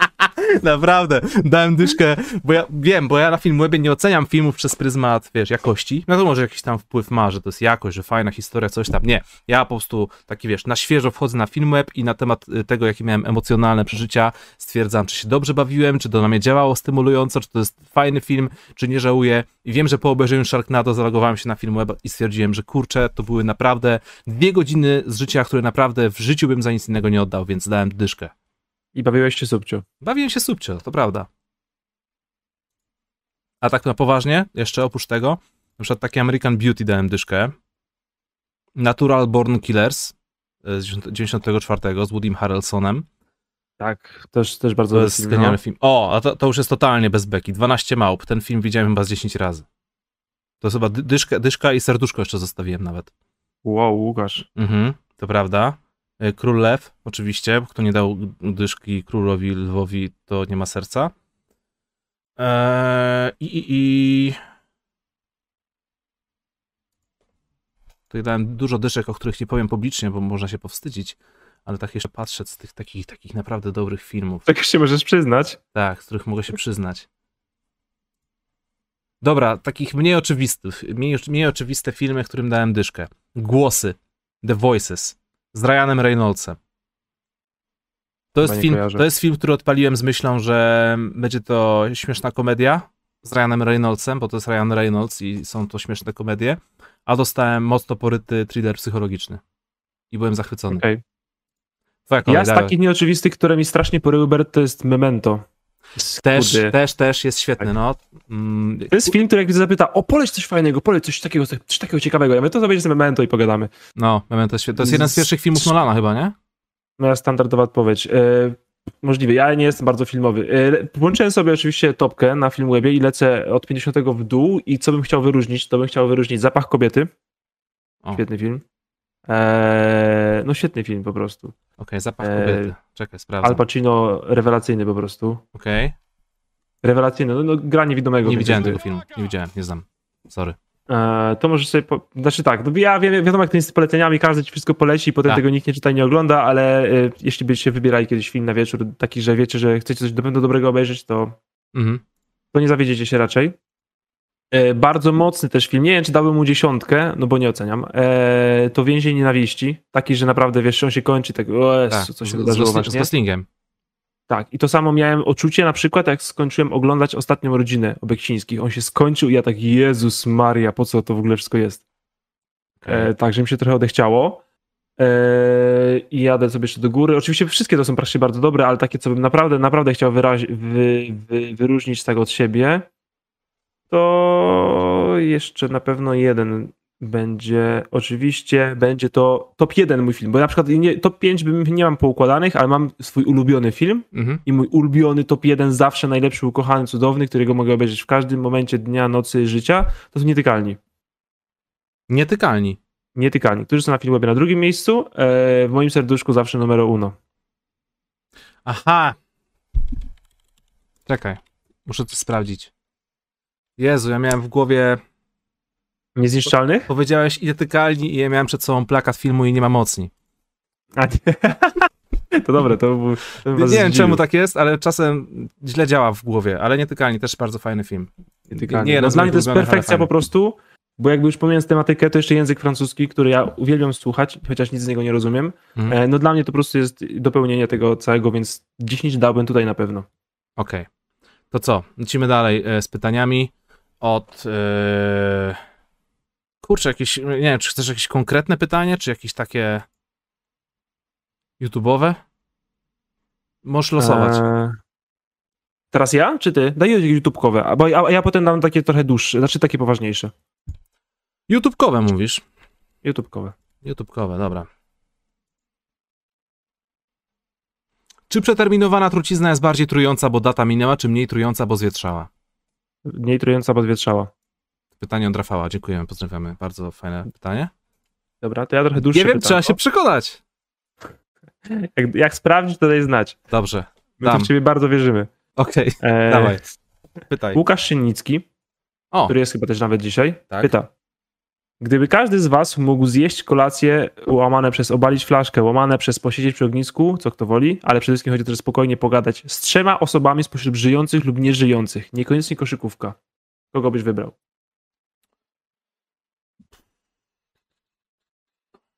żyjących, nieżyjących. Prawdziwych czy nieprawdziwych jeszcze? E, mogą być chyba nieprawdziwi. Ja, ja będę miał ludzi nieżyjących. Dobra, to nie wiem, stary, bo to jest zawsze tak, że o kimś się zapomni. Chciałem pogadać sobie z Elonem Muskiem, twórcą Ricka i Mortiego i powiedzmy z Habibem Bryantem. Okej. tak. Kurde, ja miałem to From top the- trójka. From the, from the top of, of my head, nie? Na Ja miałem się trójkę, teraz nie milion. pamiętam. Jak z nieżyjących, Jak zobaczyłem to pytanie? Z, z nieżyjących to nie wiem, z Adolfem Hitlerem. Bym chciał z nim pogadać. Ja nie. Tak, ale Ja tak chciał- chciał... wiesz, ja bym chciał po prostu skumać facet, co ty masz w głowie i dlaczego uważasz, że to jest właściwe, nie? Ja bym nie chciał. Myślę, że to byłoby dla mnie strasznie obciążające i bym nie osiągnął z tej rozmowy, a prawdopodobnie wyszedłbym z niej gorszym człowiekiem, niż bym do niej wszedł. Ja bym chciał pogadać ze starym Albertem Einsteinem i zapytać go, czy nie czuje, że marnuje drugą połowę życia. Bo Zmarnował. Mhm. I chciałbym pogadać z Napoleonem, No. bo uważa, że był największym wodzem w historii. I... Ale też się na koniec pomylił właśnie i to też, też coś takiego. Kurde, ja miałem tą trójkę tak łatwo, w sensie jak zobaczyłem to pytanie, to myślałem tak, pach, pach, pach, wiem jakimi trzema osobami, a teraz nie wiem. A z żyjących to w ogóle jest za trudne. Z Ale, żyjących wie, to za trudne. ale wiesz, że gdybyśmy jutro dostali to pytanie, to ta lista wyglądałaby zupełnie inaczej. Tak, tak, ale wiesz, chodzi o to, że ja miałem, to, bo miałem tą trójkę, ale teraz zlamiłem. Byłem pewny, że to jest tak dla mnie oczywiste pytanie, że będę Mhm. wiedział, a nie wiem. Przepraszam. Spoko. Jakby co to jeszcze wrócimy, bo to jest bardzo fajne pytanie. Pozdrowienia, Łukasz. E, Kolejna danina tym razem od kieleckiego Denisa Rodmana. Pozdrawiamy serdecznie. E, Trzymam kciuki za Półwysep Bałkański. Pozdrowienia aktualnie ze słonecznego Mazowsza. Czy według Was jest szansa na stworzenie wielkiej trójki braci w Charlotte, Melo, Zoe, Jello? Super robota, chłopaki, jak zwykle profesjonalnie. Dziękujemy. Pozdrawiamy. E, Czy jest szansa na stworzenie wielkiej trójki braci w Charlotte? Ale Tru- przypominałeś obelżywym milczeniem Półwysep Bałkański. Dobrze, jechać go. Nie masz go w top ten? Nie. No dobra. Ja mam Półwyspu Ba- Bałkańskiego. Buja. Wielka trójka braci w Charlotte brzmi spoko. W sensie trójka braci. Wielka to może, może nie do końca. To jest moja odpowiedź na pytanie. Ja myślę, że jedyna szansa na to właśnie nam uciekła z tym sign and trade Lonzo do Chicago. Bo ja myślałem, że Charlotte może być, e, może być w grze Mhm. i jakby to, myślę, że to sign and trade było do zrobienia dla nich. Nie zrobili tego, więc wydaje mi się, że ten pociąg już odjechał. Dobrze mi Natalia podpowiada na priv. E, Z Johnem Lennonem bym chciał pogadać na pewno. Aha, okej, Johnem wracamy. Lennonem, John Lennon, e, Albert Einstein i Napoleon. Tego Napoleona nie jestem na 200% pewny, że tak myślałem, ale Lennon i Einstein są na pewno e, w dwójce, z którą chciałbym pogadać. Okej. Yy, takie erata do, do pytania Łukasza, bo, bo to było fajne pytanie i e, chciałem po prostu na nie lepiej odpowiedzieć.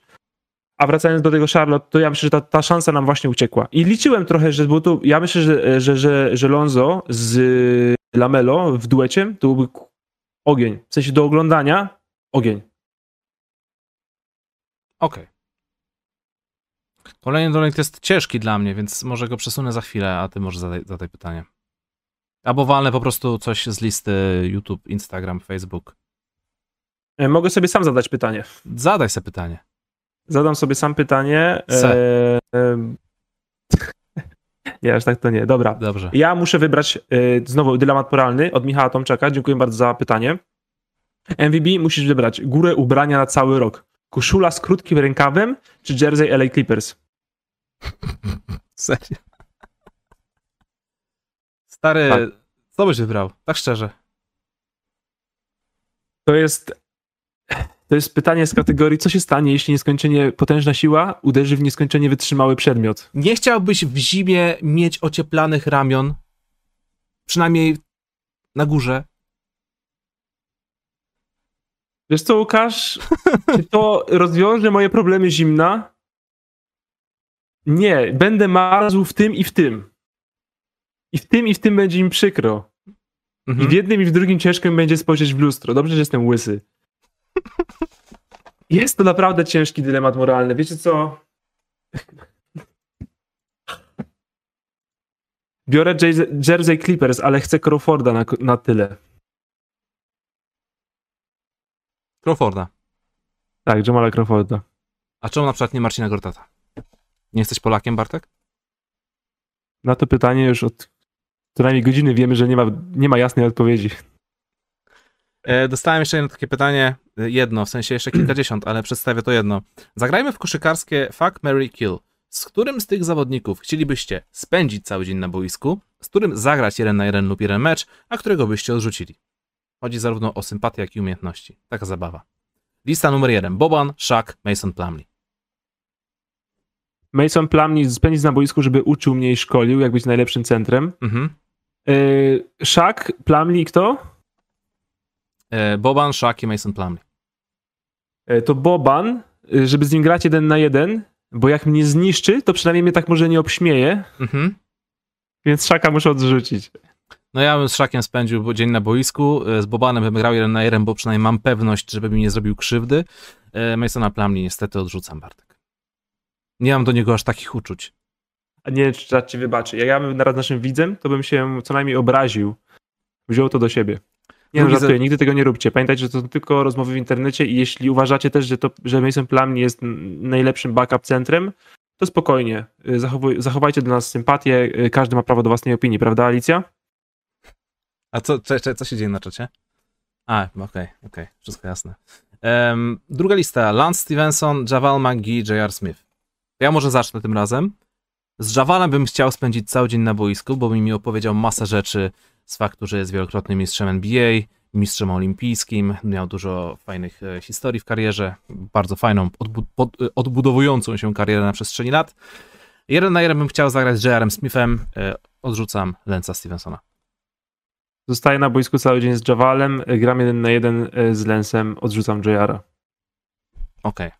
Jeden na jeden. Się pewnie narażę na straszne obśmianie, bo myślę, że Lens nie byłby taki potulny, jakby jechał ze mną 11 do 0.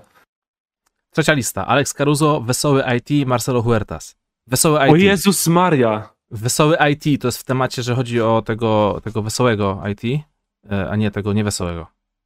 Ale trudne pytanie.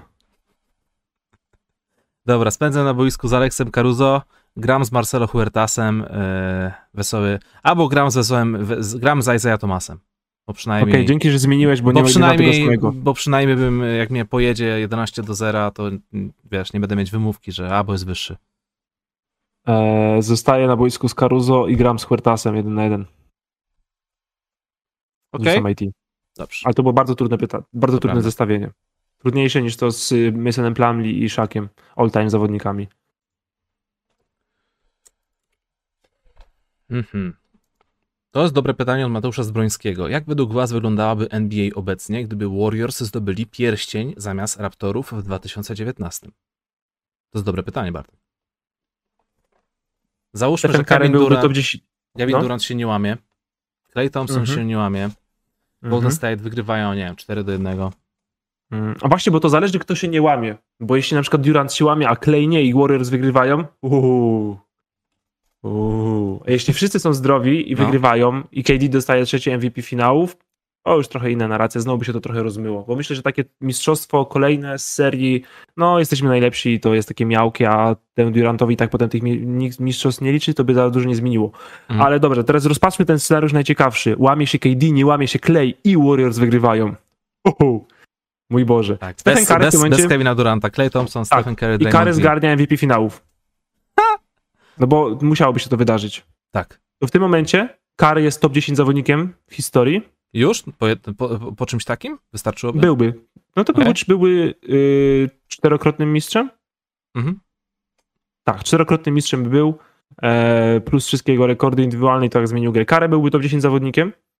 E, Durant też by odszedł na pewno i kurde, i śmialibyśmy się, znaczy mnie, ale w sensie byłoby takie trochę podśmiewanie z niego do tej pory, jeśli by Mhm. nic nie wygrał.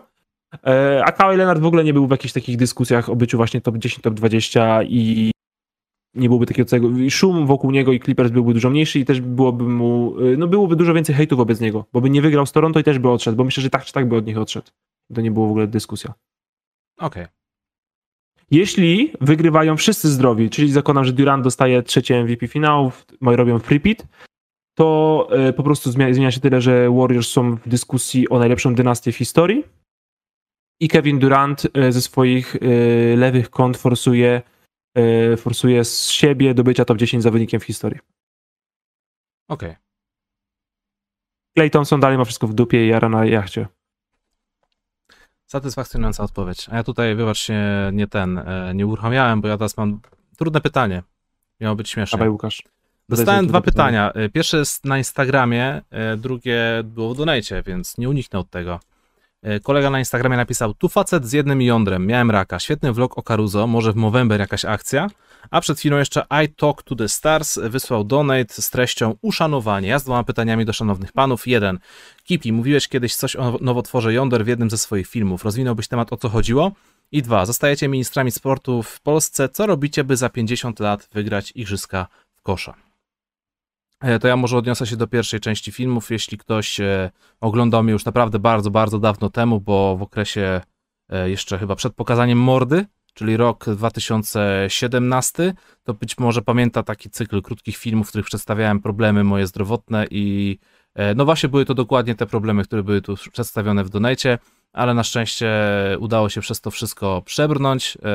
Nie skończyło się jakoś, jakoś takimi bardzo negatywnymi em, reperkusjami, historiami i póki co traktuję to jako e, bardziej mroczny okres w życiu, ale z drugiej strony cieszę się, że wszystko jest za mną.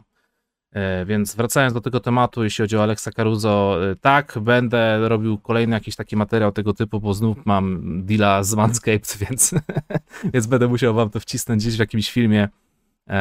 No, jakby ktoś miał jakąś, jakieś takie podobne historie, chciał pogadać, to podbijajcie pomogę, pomogę przebrnąć, bo, e, bo można, można to przebrnąć. A drugie pytanie, czy zostajecie ministrami sportu w Polsce? Co robicie, by za 50 lat wygrać igrzyska w kosza? O kurde, stary. Przedstaw biznesplan na najbliższe To pół jest wieku. proste. Masz, masz tylko jeden cel, więc możesz wszystkie inne sporty położyć do absolutnej spalonej ziemi. Mhm. Więc co robisz? Oszczędzasz pieniądze. Ja, co ja robię? Biznesplan. Mam wygrać igrzyska, nic więcej i nic mniej. Wszystkim zabierasz i dajesz koszykówce. Wszystkim zabieram wszystko, oszczędzam pieniądze i na 2-3 lata przed igrzyskami przekupuję najlepszych zawodników, żeby przyjęli obywatelstwo mojego kraju, wygrywam igrzyska i, odchodzę na emeryturę, tak. Hej, Kevin Durant, nie masz przypadkiem jakichś 2% korzeni polskich w sobie? Bo jak nie, to ci znajdziemy. A nie, za 50 lat to Kevin Durant już... No dobra. Hej, Kevin Durant Jr. Nie wiemy, na które konto do ciebie napisać, Kevin, więc mam Kevin nadzieję, że Durant widzisz ten Junior drugi. Tak. E, I tak, i przekupuję po prostu zawodników, żeby wzięli paszporty i wygrali to dla mnie. E, tak. Jeśli y, naturalizacja zawodników w międzyczasie zostanie zakazana, no to muszę to zrobić bardziej tradycyjnie, to znaczy zabieram pieniądze wszystkim innym sportom i po prostu otwieram szkółki w koszkówce. Mam na tyle dużo czasu, że mogę tych ludzi e, wyszkolić od zera. W sensie, wiesz, otwieram po prostu ileś tam szkółek, które pakuje wszystkie pieniądze, jakie Ministerstwo Sportu. No i Mhm. mam nadzieję, że z tych wszystkich wy, wyłoni się chociaż 10 zawodników na poziomie europejskim i światowym, którzy jeszcze przy okazji będą chcieli zagrać w mojej kadrze i wygrać te igrzyska. Okej.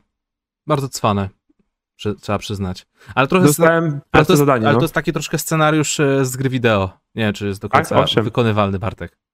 Myślę, że może się tak nie wydarzyć No. w prawdziwym świecie. Dobra, śmiało, dawaj twoje pytanie jeszcze jakieś. Ile tam jeszcze masz? Eee, Luźne pytanie z czatu. Mhm. Olek Krystian. Z którym graczem all time idziecie na melanż? Jamesem Hardenem. Z Jamesem Hardenem. To Proste. bereźniku. To jest proste, stary, co chciałem powiedzieć. Hmm. To są trudne pytania, bo na przykład jak ktoś by powiedział, o ja bym szedł z Denisem Rodmanem, to ja myślę, zastanów się, czy byś to przeżył, Mhm. kolego lub koleżanko. Eee, też na przykład pomyślałem o J.R. Smithie, To ale... zależy, czy lubiłbyś chodzić po klubach y, homoseksualnych. Lub naprawdę i pójść w melanż na dwa tygodnie. Lub. No. Dlatego to jest trudne, trudne pytanie. Z zawodników, wiesz co, ja chyba odpowiem głupawo i po prostu chcę zaszaleć i pójdę raz z J.R. Smithem. I on mnie zapozna z jakimś raperem, pójdzie na jakiś koncert, potem połowę nie będę pamiętał pewnie, ale myślę, że bym się dobrze bawił i najpewniej bym to przeżył. Okej. A masz takie coś na przykład, y, ode mnie pytanie, Bartosz Drap pyta y, na live teraz, mamy go na, na, na łączach, z, ze świata show biznesu, z kim idziesz na melanż? Ze świata show biznesu? Mhm. Że nie O tylko do koszykarzy, możesz sobie wybrać kogo, możesz nawet polityka wybrać, ale to byłby, wiesz. Kurczę, nie wiem, w tym momencie cię- ciężko mi wybrać kogoś, jakąś taką osobę ze świata show biznesu. Nie wiem, nie wiem na jaki typ imprezy, yy, na jakim, na jakim typie imprezy czułbym się dobrze. Może tak to ujmę. Okej. Ja mam jeden typ, którego No. bym na pewno nie przeżył, Mhm. E, ale chciałbym zobaczyć, jak takie imprezy wyglądają. Chciałbym pójść na nocny melanż z Marilyn Mansonem. I tego bym pewnie nie przeżył i nie opowiedział wam, ale myślę, że byłoby inaczej niż wszystko, co do tej pory w swoim życiu widziałem. Albo w ogóle z jakimiś takimi, nie wiem, Aerosmith, Guns N' Roses, e, z takimi No, to- e, to- zespołami to- rockowymi lata 80., bus pod Stanach Zjednoczonych. Co to tam musiało się dziać, Bartek? Jak Marilyn Manson płaci, to ja mogę z nim i nawet tego nie przeżyć. Dodajcie kod Jordan is the GOAT. Pozdrawiam serdecznie. Siema panowie, jakie macie przeczucie co do graczy, którzy mogą nas pozytywnie zaskoczyć, czy ze względu na świetnie przepracowane okienko, bądź nową drużynę? To kimś takim może być Antony Edwards. Pozdro dla was, PS, Półwysep Alaska rządzi. Kurde, jeszcze musimy Półwyspy zrobić, Bartek. Alaska jest u mnie na liście. Okej. Fajnie, że masz listę. Ja jestem, ja się nie mogę doczekać. Właściwie to możemy po tym donajcie przejść do jakichś segmentów. Mhm. Tak sobie myślę. E, Chciałem dobrze. zobaczyć, e, kto może nas pozytywnie zaskoczyć? Czy s- sądzisz, że tam mm, wymiana, o której się tak plotkuje ostatnio, czyli Maxi Kliba za Laurie Markanena, czy myślisz, że to byłoby wymiana, która na przykład byłaby w stanie odbudować karierę Markanena? Dallas, czy nie bardzo? Wydaje mi się, że ciężko, bo w Dallas już jest presja, Mhm. A on z presją sobie chyba nie poradził w Chicago. Więc wydaje mi się, że nie, że jeśli chcesz odbudować, przełamać, to idziesz do Minnesoty. Z całym szacunkiem. I mam przewrotną odpowiedź do tego, kto nas może pozytywnie zaskoczyć. Bo wiecie, kto nas może pozytywnie zaskoczyć? Mhm. Na pewno nie Sacramento Kings, ale mogą nas zaskoczyć pozytywnie Tyrese Halliburton i ten ich młody Davion Mitchell. Tak. Myślę, że to jest naprawdę spoko, spoko rotacja na drugi i trzeci zawodnik rotacji backcourtu. No bo pierwszy jest wiadomo De'Aaron Fox, którym ja już e, się trochę, w sensie już nie jaram mnie tak, bo tak, jak- jakoś tam się nie za, nie za dużo dzieje do przodu. Jest fajnie, ale powinno być fajniej. Halliburton, którego bardzo lubię oglądać i ten, i ten, i ten Mitchell, który widać, że jest z zadziorą. E... Wycisnąłem pozytywne zdanie o Sacramento Kings z pytania, które nie było Sacramento Kings. Czy to się dzieje codziennie? To się dzieje nigdy, Bartek. Ale cieszę się, że to zrobiłeś. nigdy. Ja bym chciał do y, takich nazwisk dopisać Devonta Grahama jako wyjściowego, jako wyjściową jedynkę w Nowym Orleanie. On może walić 7 Bo trójek w meczu celnych. Dwa, dwa sezony temu był jedną z naj, najjaśniejszych punktów e, Charlotte Hornets. Później e, przyszli rozgrywający i Devonta Graham stał się no, no, Rezerwowym. Stał się rezerwowym, coraz gorzej się tam odnajdywał, a jako starter w Pelicans może faktycznie pokazać, że, że wciąż to ma, że jest w stanie, że, że jest w stanie być starterem w tej lidze. Ja myślę, że on y, naprawdę ma y, dobry sezon przed sobą, jeśli tylko będzie zdrowy. Naprawdę myślę, że, że śmiało, no. Okej. Czekaj, bo muszę tutaj poprawić jedną rzecz, bo coś się zepsuło. Już jest git. Chyba teraz będą wlatywać zaległe donaty. 420 łapek w górę już jest? Mamy to. Tak, będą jeszcze dwa donaty zaległe wlatywać, więc e, jakby co to sorki. Także tak, szokujące info moi drodzy. Top 10 półwyspów. Czy ktoś liczył, czy na pewno jest to top 10? Otóż wydaje mi się, że nie, ale, ale na pewno o ciekawostkach geograficznych sobie dzisiaj przedstawimy. Więc e, nie mam pojęcia, co wspólnego mogą mieć półwyspy z koszykówką i z profesjonalnym studiem NBA i z nami, ale kiedyś ten pomysł padł i stał się na tyle memiczny i powtarzany przez was, że stwierdziliśmy, że kurczę, no musimy to w końcu zrobić i oto, oto jesteśmy. Więc, Bartek, ja jestem w stanie e, wciskać się z jakimiś swoimi um, take'ami na temat półwyspów, ale z tego, co mi przedstawiałeś przed programem, jesteś naprawdę przygotowany na piątkę z plusem. Zajawiony. No. Dajesz. Mam listę. E, ale właśnie, jakim, jakim robimy to systemem? Możesz y, opowiedzieć na przykład od 10 wzwyż. Jeśli będzie to półwysep, który mam na liście, to ewentualnie mogę coś tam dodać lub nie. Zaczynaj. A potem ty, czy ty tak będziesz dorzucał? Możemy na zmianę, możemy na zmianę. Tylko, że ja Dobra. wiesz, ja o każdym półwyspie ja mam maksymalnie dwa zdania. Ja tu nie będę opowiadał his historii, jakby co Bartek. Nie Ja o tych z- z dolnej piątki też nie mam dużo. Eee, Dolnej piątki. E, dobra, to ile masz przy, przygotowanych? No, powiedzmy, że dziewięć. Dobra, to ja będę pierwsze dwa powiem potem na zmianę. Top 10 półwyspów, ludzie. Let's go! Boże, jest, jesteśmy tutaj, naprawdę. Przypominamy, że półwyspy to są te półwyspy, które mają wodę z trzech różnych stron, a czwarta strona jest przyczepiona do kontynentu i to jest niesamowite, że to się tak trzyma na dzyndzerku. Twoja kolej, dawaj. Numer 10. Eee, to trochę żartobliwie, więc weźcie to przy wrażeniem oka, po prostu uznałem, że, że muszę to zrobić e, z powodu po prostu całej historii, jaką mamy na tym studio. Mhm. Numer 10, top 10 półwyspów ode mnie, ode MVB, półwysep kalifornijski. Okej. Plusy y, w Meksyku, pyszna kuchnia i tak dalej. Plusy humorystyczne. Jest to półwysep położony najbliżej Los Angeles Lakers. Z minusów jest to półwysep położony najbliżej Los Angeles Clippers. Dziękuję. Dziesiąty półwysep na liście kalifornijski. Jezu, naprawdę się przygotowałeś, stary. Dobra, Witamy dawaj. na scenie. No. Dobrze. Półwysep dziewiąty. Jest to półwysep również z... Mm, Również z, z, jakby z części świata Ameryki Łacińskiej, Mhm. ponieważ blisko Zatoki Panamskiej, e, dokładnie w Panamie, półwysep Azuero. Półwysep Azuero nie jest duży, nie jest zbyt ciekawy, bo zajmuje się głównie rolnictwem, aczkolwiek ma tam jakieś góry 2000 e, metrów nad poziomem morza i tak dalej, ale tutaj jedyny to po prostu co zadecydowało o tym, że Azuero jest na liście, ma prowincję, która nazywa się Los Santos. A GTA San Andreas to jest moje ulubione GTA. Yes. Dziękuję bardzo. Półwysep Azuero, dziewiąte miejsce. Mamy to. Zapraszamy y, po odbiór nagrody, ale to później, ponieważ karuzela się nie zatrzymuje. Nie zatrzymuje się. Numer 8. Półwysep. Wracamy do Europy. Mhm. Y, W ogóle starałem się te półwyspy w miarę różnicować między kontynentami, ponieważ tak naprawdę mógłbym wybrać po prostu 5-6 z Europy i o nich Mhm. tylko powiedzieć, jaką ma najbogatsze historie i tak dalej, a nie chciałem tego, uniknąłem, więc, więc będziemy sobie wędrować. Teraz jesteśmy w Europie, ale z bardziej z osobistych powodów, przynajmniej dla mnie. Półwysep numer 8 na mojej liście jest to półwysep jutlandzki, czyli Jutlandzki. generalnie większość powierzchni Danii, która nie jest wyspami. Eee, powody osobiste są takie, że Utah ja Jazz? kiedyś bardzo... E, nie, nie, nie, nie, aż tak. Okej. Eee, grałem kiedyś dużo w plemiona. Bardzo lubiłem tę grę i w plemionach chodzi o to, że tam zajmować wioski i tych wiosek jest bardzo dużo i można je nazywać. Ja oczywiście jako gnojek mówię, mu- muszę mieć najfajniejsze nazwy wiosek, muszę być oryginalny i w ogóle. Mój nick był wtedy nieoryginalny i że po prostu googlowałem ten nick, co tam może być ciekawego. Mój nick wtedy w plemionach to był Lolmen. I Lolman. w Danii jest wyspa, która się nazywa Lolland. I tak nazywała się moja pierwsza wioska. I nazywałem sobie po kolei wiośnie wioski od nazw wysp duńskich, aż mi ich zabrakło, bo było ich chyba ponad 300. Więc zacząłem też, dlatego użyłem też nazw właśnie takich jak Jutlandia, jak, jak, jak Półwysep Jutlandzki, Jutlandia się nazywa ta jedna z wiosek, oraz Cieśnin, Cieśnin duńskich. Jeśli byśmy robili kiedyś topkę Cieśnin, to też się na pewno znajdą tam, Kattegat i Skattegat. Yy, więc po prostu mam osobisty, pozytywny stosunek y, z Półwysepem Jutlandzkim.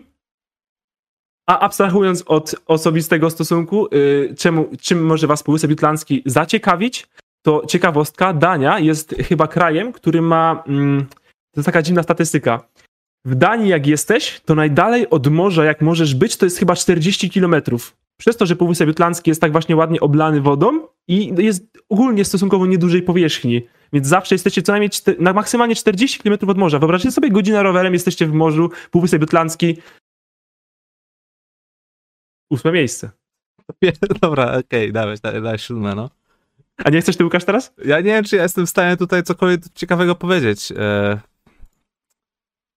Mi na przykład spodobał się półwysep Yorke, który znajduje się na południowym wybrzeżu, Australii, ponieważ opływają go Zatoka Spencera na zachodzie, który mi się kojarzy z Spencerem Haywoodem, Zatoka Świętego Vincentego, bo Vince Carter jest świętym w NBA e... i na tym półwyspie jest miejscowość Point Pierce i tak nazywałby się mistrz Celtów w 2008, gdybym więcej podawał.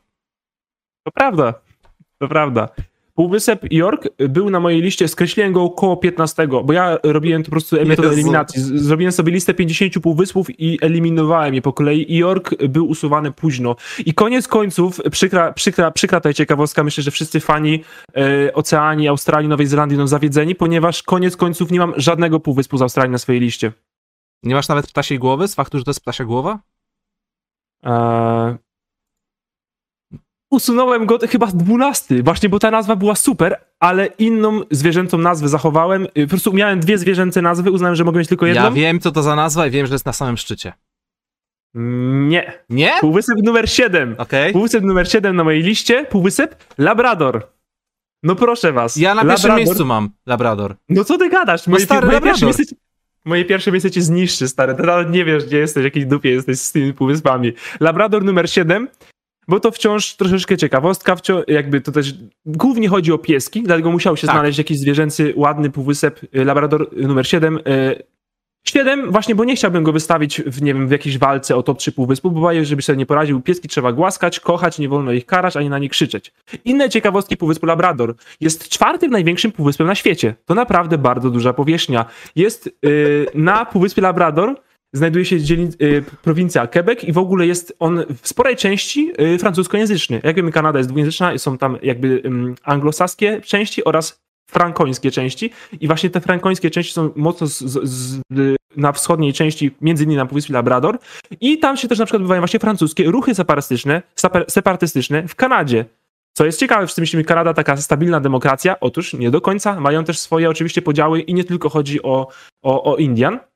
Inna ciekawostka Półwyspu Labrador jest taka, że jest w Ameryce, a odkryli go wikingowie, To prawda. a nie wcale jacyś e, latynosi. To jest fajna To myślę, że, od, że odkryli wszystko. Labrador Eee, numer 7. Gratulujemy, ale bez Pani piesków nie byłbym tak Bożeno, naprawdę zazdroszczę syna. Powinna, musi, musi być pani teraz naprawdę bardzo dumna. Nie przeszkadzam. Kontynuuj. Dzięki, Łukasz. Eee, dobrze, lecimy Ja bym chciał dalej. powiedzieć o Półwyspie Somalijskim, inaczej tak zwanym rogu Afryki. Super, brawo, dajesz Łukasz, mam go też wyżej. 750 tysięcy kilometrów kwadratowych, jest to szósty pod względem powierzchni półwysep na świecie. Jest on położony w Afryce Wschodniej między Zatoką Adeńską a Oceanem Indyjskim. I dlaczego ten półwysep jest tak niesamowity? Ponieważ wygląda, wygląda jak logo Memphis Grizzlies z profilu. Wow, Tak. nie mam tej ciekawostki. Brawo, to jest świetna ciekawostka. Dziękuję Kurde, Bartek. Jakbym to wiedział, to może miałbym go wyżej. O nie, nie miałbym go wyżej. Nie, on nie może tam wskoczyć wyżej. Ale dopiero to przyjdzie. Mam półwysep Dobrze. somalijski na swojej liście, też jest rzeczywiście bardzo ciekawy. Tak, somalijski? Tak, somalijski. Czekaj, Mhm. czekaj, somalijski. Gdzieś tutaj też go miałem.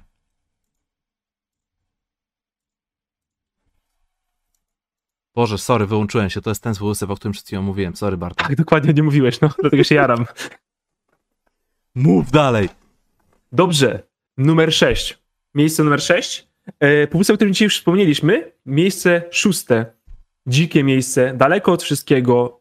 Piękna ochrona przyrody, mimo niewielkiej powierzchni, ma kilka parków lub oś, jakichś takich mm, obszarów ochrony przyrody. Jest to półwysep alaskański, półwysep Mhm. Alaska. Mhm. Bardzo go szanuję. E, ciekawostka, półwysep Alaska jest właśnie bardzo mały, a ten duży obszar, który jest stanem Alaska, nie jest półwyspem. Półwysep jest tam dużo mniejszy, ale trochę to łączę też, bo wszyscy tak myślimy, że półwysep Alaska to jest ten duży. Nie jest tak do końca. Ale tak, plus za ochronę przyrody, plus za bycie tak daleko od cywilizacji, jeśli ktoś chce uciec od świata, to Alaska jest miejscem, które powinien rozważyć. Into the Wild, film, który y, mam nadzieję większość z nas widziała, jest świetnym filmem, ma swoje miejsce na Alasce, bardzo ciekawy też, polecam. Yy, I też coś, czego nie mają półwyspy inne, przynajmniej na mojej liście, praktycznie. Półwysep Alaska nie kończy się nasza geograficzna przy, przygoda na, na, na końcu półwyspu e, Alaska, ponieważ półwysep Alaska ma przedłużenie swoje w łańcuchu wysp, Aleutach, które są geograficznie jakby jedną strukturą, ale no, oddziela je woda, więc są po prostu jakby ciągłością, ale mamy wyspy, wyspy, ciąg wysp i półwysep. Dlatego Alaska, z, łącząc te wszystkie powody, ląduje na miejscu szóstym. Y, możecie oczywiście powiedzieć, że wam się zgadza, że zgadza lub nie, ponieważ no, jest na przykład wyżej niż Labrador. Myślę, że nie, nie jeden powie, że pieski powinny być szóste, a Alaska siódma. U mnie Alaska jest na szóstym miejscu, Czy w, e, więc czy w pierwszej piątce jest e, Półwysep Kolski? nie mam Półwyspu Kolskiego. To ja mogę o nim Za- powiedzieć jako taki honorable mention. E, Ponieważ Półwysep Kolski to jest taki europejski półwysep w północno-zachodniej części Rosji, oblany wodami Morza Białego, Morza Barenca, 100 tysięcy kilometrów kwadratowych. I to jest, co jest ciekawe, Półwysep Kola stanowi część prekambryjskiej tarczy bałtyckiej, która cały czas podlega ruchom tektonicznym. Przeprowadzone w latach 70. badania wykazały, że zachodnia część półwyspu wynurza się w tempie około 6-8 mm w skali roku, zaś wschodnia zapada w nieco mniejszym tempie. I ja tutaj zauważyłem taką pewną, ironiczną metaforę odnośnie tego, że w NBA praktycznie konferencja zachodnia zawsze idzie ku górze, a konferencja wschodnia raczej do dołu. To jest moja jedyna ciekawostka na temat Półwyspu Jezu, ty jesteś rzeczywiście człowiekiem od koszykówki. Bo ja szukałem koszykówki tutaj, ja myślałem, że o to chodzi w tej zabawie, Bartek. Ja jestem tutaj, przyszedłem, ja przyznaję, że przy, przyszedłem tutaj e, zdecydowanie jako syn pani nauczycielki od geografii z liceum, niż jako fan koszykówki, tak jak wy.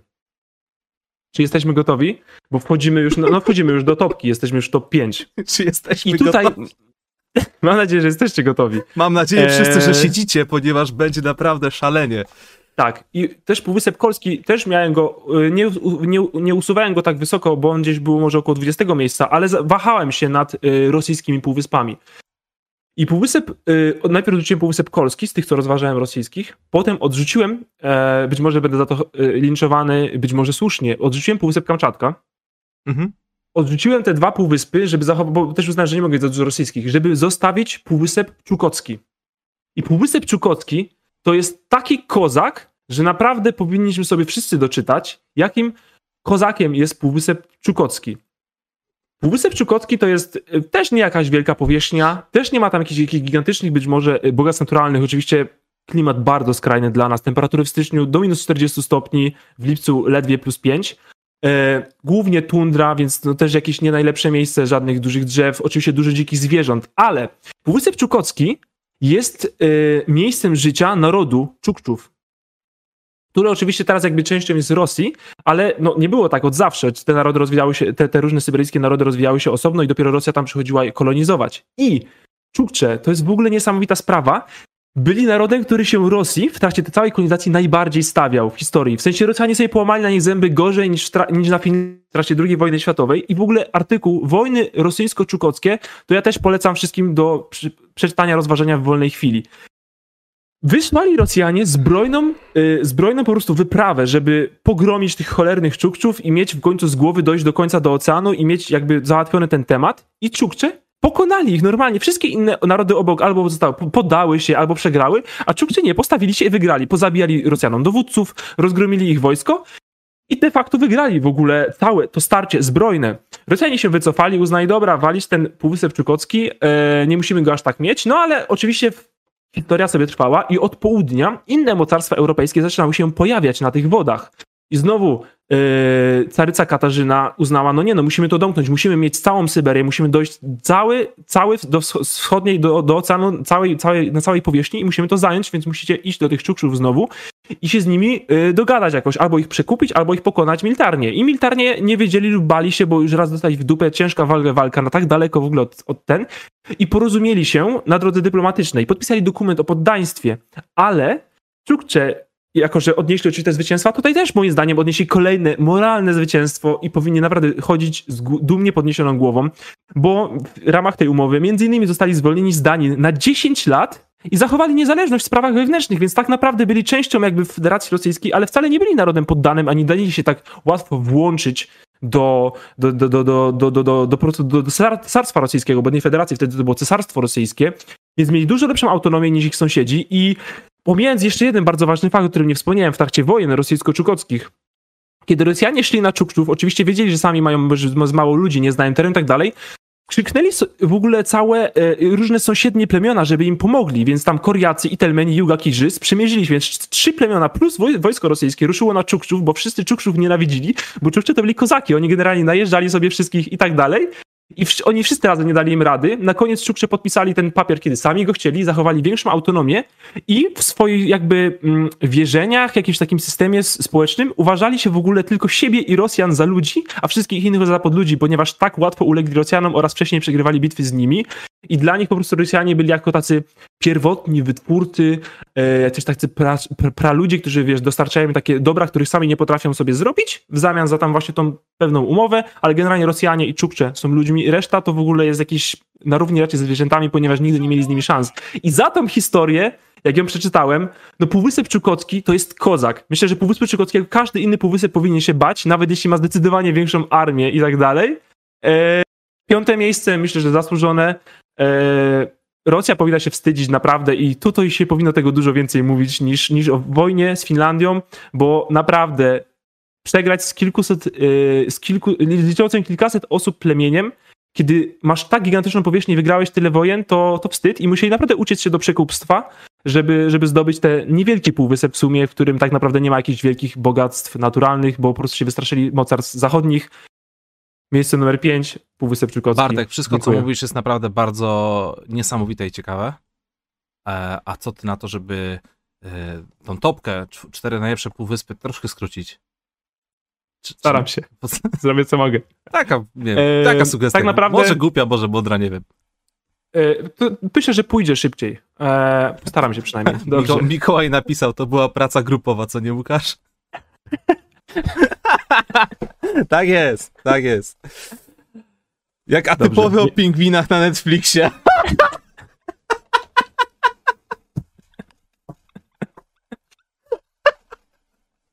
Yes. Sorry. Muszę. Czekaj, Bartek, bo ja cię teraz nie słyszę. Dobra, Już jestem. dobrze. Więc jeśli czegoś, coś musimy z tego studia wynieść wszyscy, to Że Półwysep plemienia jest super, najlepszy, ale są jeszcze cztery wyżej. tak. Znaczy, bo tak, bo naród Czukczów jest, goś- jest, jest czymś, co powinien szanować, a Półwysep Czukowski po prostu zapał się przy okazji. Mhm. Dobrze, miejsce numer cztery. Wspomniałeś o nim, Półwysep Somalijski. Mhm. Z tych samych powodów, bo nawet y, właśnie miałem też wypisane to, co mówiłeś. Szósty pod względem powierzchni półwysep na świecie. To jest naprawdę bardzo dobra pozycja. Y, co więcej, mega, mega, mega y, strategiczne miejsce. Bycie na tym, na tym, na tym kątku, y, kątku Afryki, y, przy, przy cieśninie, przy, przy, przy, przy Jemenie. Jeszcze jedna ciekawostka, y, nazwa, znaczy taka potoczna, Róg Afryki. Świetna nazwa. Tak. Dodatkowe punkty za styl zdecydowanie ode mnie dla Półwyspu Somalijskiego.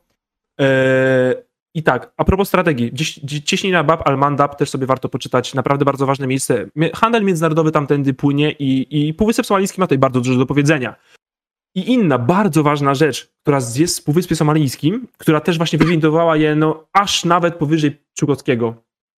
Nil Błękitny, czyli największy dopływ Nilu, ma tam swoje źródła. Nil to jest top 2 najdłuższych rzek na świecie, zależy od tego, jakie źródła sprawdzacie. Niektórzy podają Amazonkę, niektórzy Nil, więc nie będziemy tutaj o tym kłócić. Powiedzmy top 2 rzeka na świecie. Jej najwyższy dopływ startuje w Półwyspie Somalijskim. No przebij to. Półwysep Czukocki tego nie przebije, Alaska też nie, Labrador też nie. Stąd kolejność Półwysep Somalijski, czwarte miejsce, myślę, zdecydowanie zasłużenie. E, A nawet i mógłby się pokusić o trzecie, ale listę układam ja. Moje osobiste odczucia mają tutaj bardzo duże znaczenie, dlatego miejsce numer 3, Półwysep Apeniński. Mówiłem, że obcinam Półwyspy Europejskie, e, więc nie ma w ogóle bał- bałkańskiego, nie ma skandynawskiego, nie ma iberyjskiego, został tylko apeniński z nich wszystkich. No bo kurde, wygląda jak but. Najlepszy kształt z wszystkich półwyspów w ogóle apeniński. Prościutko, yy, na trójkę wskakuje bez problemu. Inne plusy i moje też właśnie jakby tutaj osobiste odczucia. Kuchnia włoska, najlepsza kuchnia na świecie. Yy, Jeśli Półwysep Apeniński musi istnieć i być w trójce, żebyśmy mieli tą kuchnię na całym świecie, to ja jestem gotowy ponieść tą odpowiedzialność. E, Bardziej obiektywne być może plusy, które chcielibyście e, tutaj pewnie też usłyszeć, bo wiem, że chcecie tej prawdziwej wiedzy, a nie emocji i humorku. No to Centrum Imperium Rzymskiego, prawda? Wielki wkład w kulturę europejską, kulturę łacińską, e, akwedukty, wielki rozwój e, filozofii, matematyki i no po prostu bardzo duży wkład. Europa nie byłaby dzisiaj tak, taka, jakie jest, gdyby nie właśnie Półwysep Apeniński i Imperium Rzymskie. E, nie jest wyżej, bo ma aktywne wulkany, wulkany i to jest na minus. Jest niebezpiecznie, e, bardzo ciepło, e, okresowe wybuchy, utrudnia to komunikację lotniczą oraz trzeba ewakuować miasta. No nie jest to najlepszy, najlepszy, najlepsza wizytówka dla półwyspu, który chciałby walczyć o wyższe miejsca. I to zabiera nas do top 2. I tutaj naprawdę robi się już gorąco. Naprawdę w top 2 już nie ma żartów, żeby, żeby bo, bo być może półwysep numer 2 wydaje się być niepozornym, ale wcale taki nie jest. Wcale taki nie jest, bo numer dwa u mnie to jest półwysep Yucatan. Znowu jesteśmy w Ameryce Środkowej, niewielki półwysep. Wy- wydawałoby się dżungla. Czemu Bartek masz go na pozycji numer dwa? I ja wam zaraz powiem, czemu mam go na pozycji numer dwa. Półwysep Yucatan z dwóch powodów. Jeden, cywilizacja Majów się tam rozwijała. Też wielka, piękna cywilizacja aż nie została zniszczona przez hiszpańską, więc tak naprawdę czemu drugi przecież ta cywilizacja została zniszczona? Bardzo dużo plusów cywilizacji Majów, możecie sobie też doczytać. Ja uważam, że jedna z lepszych cywilizacji w historii świata, która upadła, ale to nie jest powód numer jeden, dla którego jest numerem dwa. Ludzie, wymieranie kredowe zaczęło się od Yucatanu. 75% gatunków na całym świecie zginęło przez wymieranie kredowe, Nie powinienem się z tego śmiać, tego? że wielka planetoida uderzyła dokładnie w półwysep Yucatan. Jedna planetoida, jeden półwysep Yucatan, ginie 75% gatunków zwierząt na świecie, w tym dinozaury, o których mówiliśmy śmieszne. ostatnio. W tym dinozaury, w tym wielkie gatunki paproci, które w ogóle zmieniają bieg biologiczny całego świata, wszystkich. Gdyby nie wymieranie kredowe, gdyby nie półwysep Yucatan, nie byłoby ludzi takich, jakich znamy teraz, nie byłoby nas pewnie tutaj i nie moglibyśmy prowadzić tego studia. Yucatan numer dwa. Jezu, co teraz, Bartek? Powiedz mi. No i mamy tutaj zwycięzcę. Moim zdaniem bezapelacyjnego, ale kiedy pokazałem tą listę Natalii, to mnie wyśmiała. E, nie wiem, jak to odbierzecie. Mhm. Półwysep numer jeden. Myślę, że mam dobre argumenty, żeby utrzymać tą, e, tą, tą, tą, tą kandydaturę, ale zacznę najpierw oczywiście od ciekawostek, o może trochę mniejszych rzeczy. Półwysep numer jeden, top 10 półwyspów profesjonalnego studia MBA 2021 roku, odcinka Q&A wakacyjnego, półwysep indyjski. Mówicie, Indi Indie? Bartek, serio? Chyba żartujesz. Posłuchajcie teraz. Półwysep indyjski, oprócz włoskiego, również ma być może drugi najlepszy lub najlepszy kształt. Piękny trójkąt. Idealny praktycznie trójkąt, można by tam po prostu przyłożyć świetny kształt. I zobaczcie, jak wielkie siły potężne natury łączą się na Półwyspie Indyjskim. Czym jest Półwysep Indyjski okalany? Indusem i Gangesem. Wielkie, potężne rzeki, z tego Ganges jest właściwie osią potężnej religii. Przecież hinduizm to jest gigantyczna religia o światowym zasięgu. Drugie, co okala Półwysep Indyjski? Karakorum i Himalaje. Potężne, potężne góry, monumentalne. Ludzie marzą, giną tam, żeby na nie wejść, tylko po to, żeby chociaż móc posmakować tej w ogóle dumy, jaki człowiek może mieć, kiedy zdobywa tak wielkie, potężne szczyty. Jesteśmy na południu. Morze Arabskie, Zatoka Bengalska. Znowu, jak ważne strategiczne miejsca dla świata. Geograficznie Półwysep Indyjski po prostu jest w wymarzonym miejscu, wymarzone, po prostu idealne otoczenie geograficzne. Ciekawostka, ciekawostka. Być może y, mówicie, że naciągane, ale ja powiem wam, że nie. Przy Półwyspie Indyjskim znajduje się państwo Sri Lanka. Znajduje się na wyspie Ceylon. Mówicie, no wyspa Ceylon, to wyspa to wyspa, jest top 10 półwyspów, Bartek, o co ci chodzi? Półwysep Indyjski ze Sri Lanką jest połączony mostem, więc wlicza się w mojej kategorii. A czemu chcę wam powiedzieć o Sri Lance? Wiecie, jaka jest stolica Sri Lanki? Jak mi nie wierzycie, że umiem to powiedzieć, to sobie zgooglujcie. Sri Jayawardenapura Kotte. To jest stolica Sri Lanki. Znacie lepszą stolicę? Nawet stolica Madagaskaru, która się nazywa Antananariva, wymienka przy Sri Jayawardenapura Kotte. Bęk, najlepsza stolica. Sri Lanka połączona mostem z Półwyspem Indyjskim. Koniec ciekawostek i jakby takiego opakowania przechodzimy do sedna. Czemu Półwysep Indyjski jest półwyspem numer jeden? Czemu pokona każdy inny półwysep, jaki możecie wystawić na niego? Ludzie, na tym półwyspie mieszka miliard ludzi. To jest około dwóch trzecich terytorium Indii, więc tak szacując powierzchniowo, procentowo, miliard ludzi mieszka na tym półwyspie. Czy inny półwysep może wystawić miliardową armię? Nie wydaje mi się. Najludniejsza demokracja na świecie, aczkolwiek w kryzysie, ale to już o sytuacji politycznej w Indiach może kiedyś indziej. Wciąż demokracja wielka, e, potężny kraj. Plusy dla historii świata, kultury świata Bollywood. Bollywood wynosi, wywodzi się z Półwyspu Indyjskiego. Bez Bollywood myślę, że nasze życia byłyby trochę bardziej szare. Można się tutaj kłócić, ale elementu humorystycznego Bollywood na pewno nie można odjąć. Drobniejszy plus kuchnia indyjska. Nie tak dobra jak włoska, ale szanuję.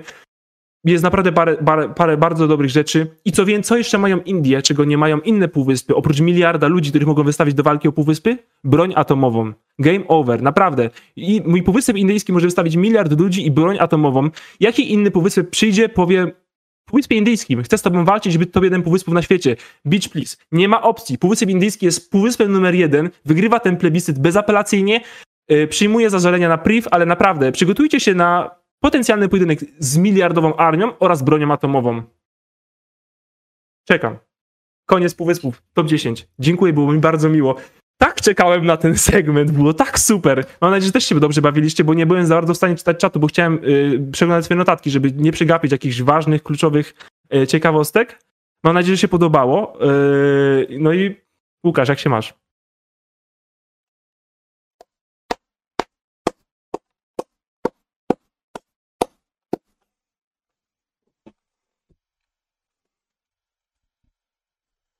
Nie wiem, czy uznasz to za komplement, ale mógłbyś zostać ministrem edukacji w tym pięknym kraju.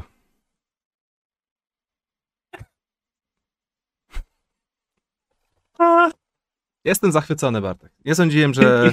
Nie sądziłem, że to będzie taki poziom. Nie sądziłem, że to będzie aż taki poziom. Hmm.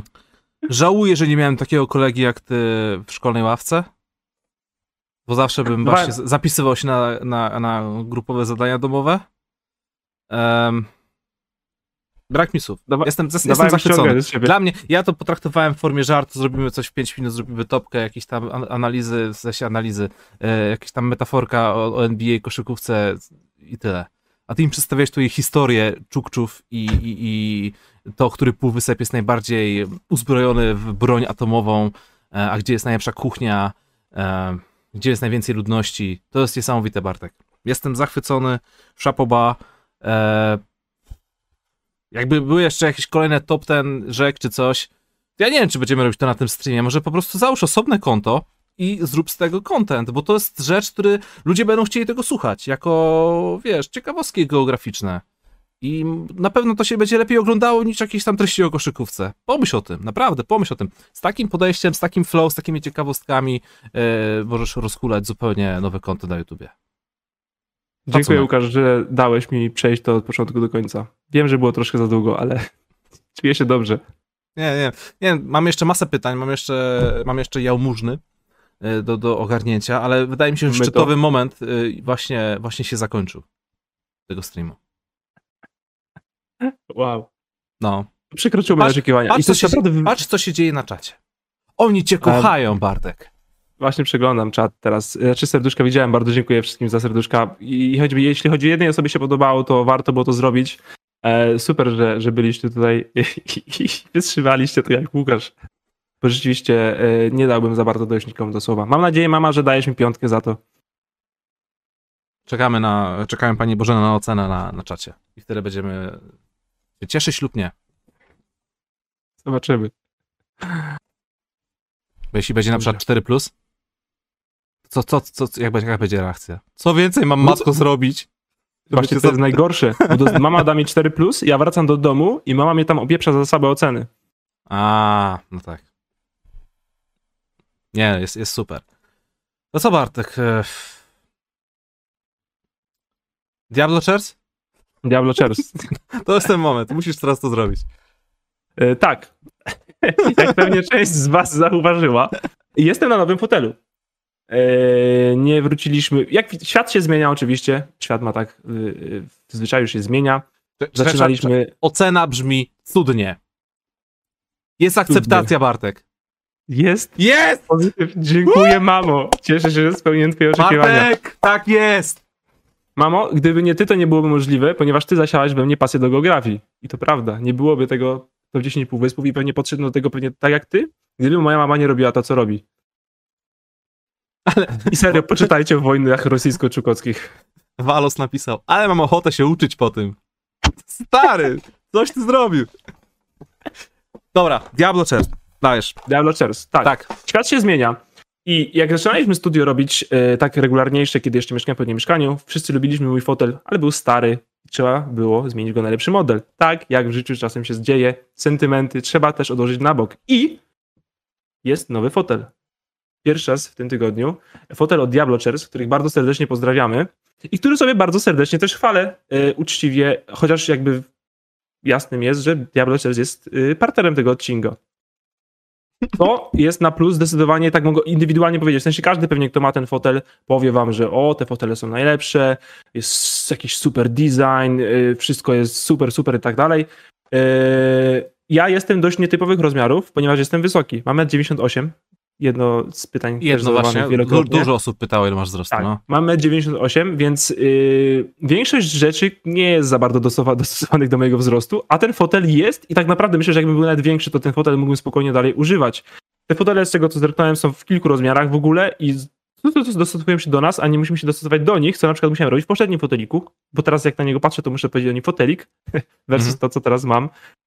Bo ten fotel naprawdę jest wielki. E, Jest wielki i siedzę jak człowiek. Jakkolwiek nie chciałbym się rozlać, to on mnie to nie pozwoli, ponieważ jest dobrze wyprofilowany i ma dobre kąty w nogach. To jest w ogóle jakaś dziwna sprawa. Nie, nie wiem, czy. Bo jestem od roku na home office i siedziałem w tym fotelu, który znaliście, w tym, którego ostatnio nie widzieliście, bo był właśnie taki mały, i teraz ten, więc jest git. Bardzo sobie chwalę. Eee, no i kurde. Co mogę No, powiedzieć? Ja, ja, od siebie Wiem, też, mogę ja od powiedzieć. siebie też mogę powiedzieć, ale to już pewnie wiecie, też mam Diablo Chess, też jest spoko. E, rozmiar mam oczywiście bardziej tradycyjny, nie dla takich gigantów jak Bartek, bo są różne rozmiary, jest git. E, i, i, I jeszcze drugie hasło, Bartek. Tak. E, wszystkich tych, którzy chcieli, którzy poczuli, że chcą się uczyć po top 10 półwyspów, więc jeśli powrót do szkoły jest niedługo i zastanawiacie się, co robić, to obczajcie sobie po prostu nowe wersje Legion Edition, to jest nazwa modelu, które są naprawdę hitem, chyba ostatnim, jeśli moja wiedza o fotelach e, niedawno rozwinięta wam może za coś posłużyć i wiecie, są jakieś wzory w ogóle Moro i tak dalej i na pewno lekcje się tym rozwiązuje lepiej i lepiej się czyta o wojnach rosyjsko-czukowskich niż na zwykłym stołku. To wam mogę zagwarantować. Linki do fotela znajdziecie zarówno na czacie, czasami Nightbot wkleja, jak i w opisie pod tym streamem. Jeszcze też po zakończeniu streama będziecie mogli zobaczyć w komentarzach e, pod spodem. Także y, dziękuję pięknie Diablo Chairs za, za fotel, pozdrawiamy serdecznie i, i, e, Bartek świetnie ci poszło, jesteś już prawdziwym youtuberem. Łukasz, Masz- wiesz co? masz Moim sobą- zdaniem masz- są to najlepsze fotele gamingowe na świecie. Bang! Masz, masz za sobą pierwszy produkt placement y, i jest super. Jest super. Dziękujemy. Zasłużyłeś. Po- Zasłużyłeś po takim monologu, nikt nie może ci powiedzieć, że się sprzedałeś, bo teraz dałeś. Świetnie ci to wyszło. Dziękuję. Pamiętajcie, że zawsze jest nas pasja. Dziękujemy, Bo lecimy tak dalej. naprawdę właśnie to też jest jedno z pytań, które może nie padło, ale zawsze jest na nieprawdziwą odpowiedź to, że my jesteśmy przede wszystkim fanami. My się właśnie chodzi o to, że je jaramy. Nie robimy tego studia, nie jest nasze, znaczy troszkę może jest jakąś pracą, ale nie traktujemy tego jak pracę, taką pracę. My tu chcemy przychodzić i, i, i- i chcemy gadać z wami, chcemy czytać was, chcemy oczywiście słuchać też siebie nawzajem, bo jakby podstawą tego wszystkiego jest nasza rozmowa, ale to jest super i mi się, ja się, no, w sensie chyba widać, ja się naprawdę jaram. I czy gadam o Półwyspach, czy o tradzie Patryka Beverleya, to e, super tutaj być. No tak, no przecież to, to jest chyba taka oczywista rzecz. Mm, A ja myślę, że to warto przypominać. Ja myślę, że to warto przypominać, bo... No, no też, ale wiesz, czy, czy będziemy to robić dla tysiąca osób, czy dla pięćdziesięciu, czy będą donaty, czy nie będzie donatów, i tak będziemy to robić, więc, więc zawsze tak robiliśmy. Więc, Tak, więc bo to- byliśmy takie- w tych punktach, że było 50 osób. I też robiliśmy. Dokładnie. Bartek, e, donaty, jałmużny, myta, Doc Urwers, pozdrawiam serdecznie. Witam panowie, zapomnijmy na chwilę o dwóch flipitach i erze dominacji Jordana. Czy Chicago Bulls po przymknięciu oka na te lata nie należą do niechlubnego grona najgorzej zarządzanych drużyn w lidze obok Kings i Cavs? Czy najgorzej? Na pewno dla mnie nie jest to taki poziom jak Kings czy Cavs, e, ale też, też nie jest super. No nie zapominajmy, że jednak mieli kilka ciekawych sezonów z okresu Derrick Rose, e, wchodzili do playoffów, ostatni raz weszli do playoffów e, nie wiem, 5 albo 6 lat temu, a nie 16 lat temu, jak to było w przypadku Sacramento Kings, więc też nie ma aż takiej tragedii, ale trzeba przyznać, że w draftach za bardzo ostatnio im to nie wychodziło, nie wybierali właściwych zawodników mimo wyższych pików. Za Klawin cały czas czekamy na przebrnięcie przez pewien taki e, sufit e, lepszego zawodnika niż, niż All-Stara drugiej kategorii, więc pod tym względem też jest tak średnio. Bartek? E, tak, Chicago Bulls to nie jest jedna z lepszych organizacji pod względem zarządzania przez e, okres całej historii, ale do Kurwers nie możemy wyłączyć e, dwóch Flipit i ery Jordana. Wiesz, jeśli wyłączyć z Bostonu erę Billa Russella, to wiecie ile mają mistrzostw? Cztery. Mhm. a nie są najbardziej utytułowaną drużyną w historii. Jeśli wyjąć z Lakersów Showtime, Lakers, to być może nie byłoby potem Kobe Shaq duo, bo nie byłoby tej magii, więc y, to wszystko ma znaczenie. I też oni wybrali w drafcie Jordana. Jasne, to nie był ich plan, ale wiecie, y, dwie drużyny przed nimi tego nie zrobiły, oni to jednak zrobili. Nawet jeśli właśnie było to spowodowane posiadaniem piku numer 3, ale pik Scottiego Pippena, który był później, też był świetnym pikiem i dali radę rzeczywiście zbudować drużynę. Chwilę im to zajmowało, ale zbudowali dwie, nie jedną, dwie drużyny, które mogły pretendować do miana dynastii. W sensie zdobyli free pit. Ile drużyn w historii zdobyło free pit? Naprawdę niewiele. Eee, więc nie można tego obcinać. Więc Chicago Bulls będą jedną jednak historycznie le- z lepszych organizacji, bo tak naprawdę to chyba lepiej być 40 lat do dupy i wygrać 6 mistrzostw, niż być 60 lat średnim sprawa. bo chodzi jednak o wygranie. E, Ale tak, wcześniej, przed Jordanem i później, zdecydowanie nie była to jedna z lepiej zarządzanych organizacji, ale tak jak powiedziałeś Łukasz, ty, lata Derricka Rose'a y, pachniały kontenderostwem przez kilka lat, nie ma takiego słowa, ale wiecie o co chodzi, i rozsypały to kontuzje, które w przypadku Derricka Rose'a można powiedzieć, ok, to nie jest taki szok, że taki gość w tym stylem gry doznał kontuzji, ale nie są pewnikiem, w sensie mogło się obyć bez kontuzji i być może Chicago, no nie powiem, że mieliby siódmy pierścień, ale może daliby nam jakieś niezapomniane finały konferencji, których teraz nie mamy przez kontuzję właśnie. Okej. Muszę tylko tu jedną rzecz zmienić. OK. I donate od yy, Prześlaka. Uwaga. Pozdrawiamy Prześlak. Co, uwa- co uważacie za highlight tego sezonu? Jak dla mnie był to Alejub, Królika Baxa do Lebrona jako buzzer beater. A tak oprócz tego, to co uważacie o debiutanckim sezonie 19-latka w barwach Celtics JT? Jak dla mnie solidny sezon jak na Rukiego. Pozdro.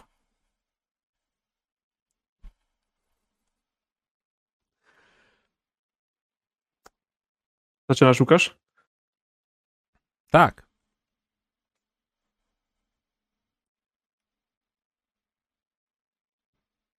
No, Zostajemy na tak? tak. A tak serio, najlepsza akcja tego sezonu. Nie byś miał tak Najlepsza z- z akcja głowy. poprzedniego Na- sezonu? No, najlepsza akcja na, poprze- poprzedniego sezonu, jakbyś miał tak wybrać taką jedną. Wiesz, ja, najbardziej ma się w głowie te świeże historie, więc ja, No bym tutaj, ja bym tutaj wrzucił ten alejub na wygranie meczu Janisa y, po, od, po podaniu Drew Holiday'a.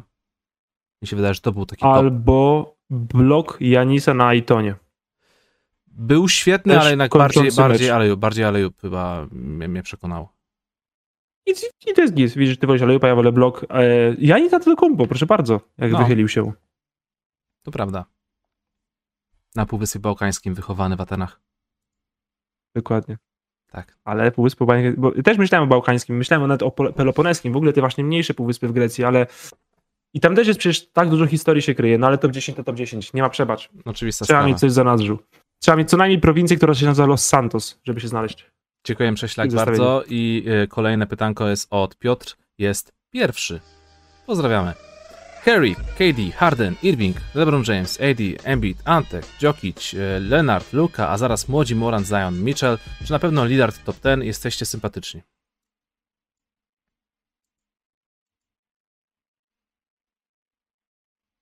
Curry, KD, Harden, Irving, LeBron James, y, AD, Embiid, Antek, Jokic, Leonard, Luka 11.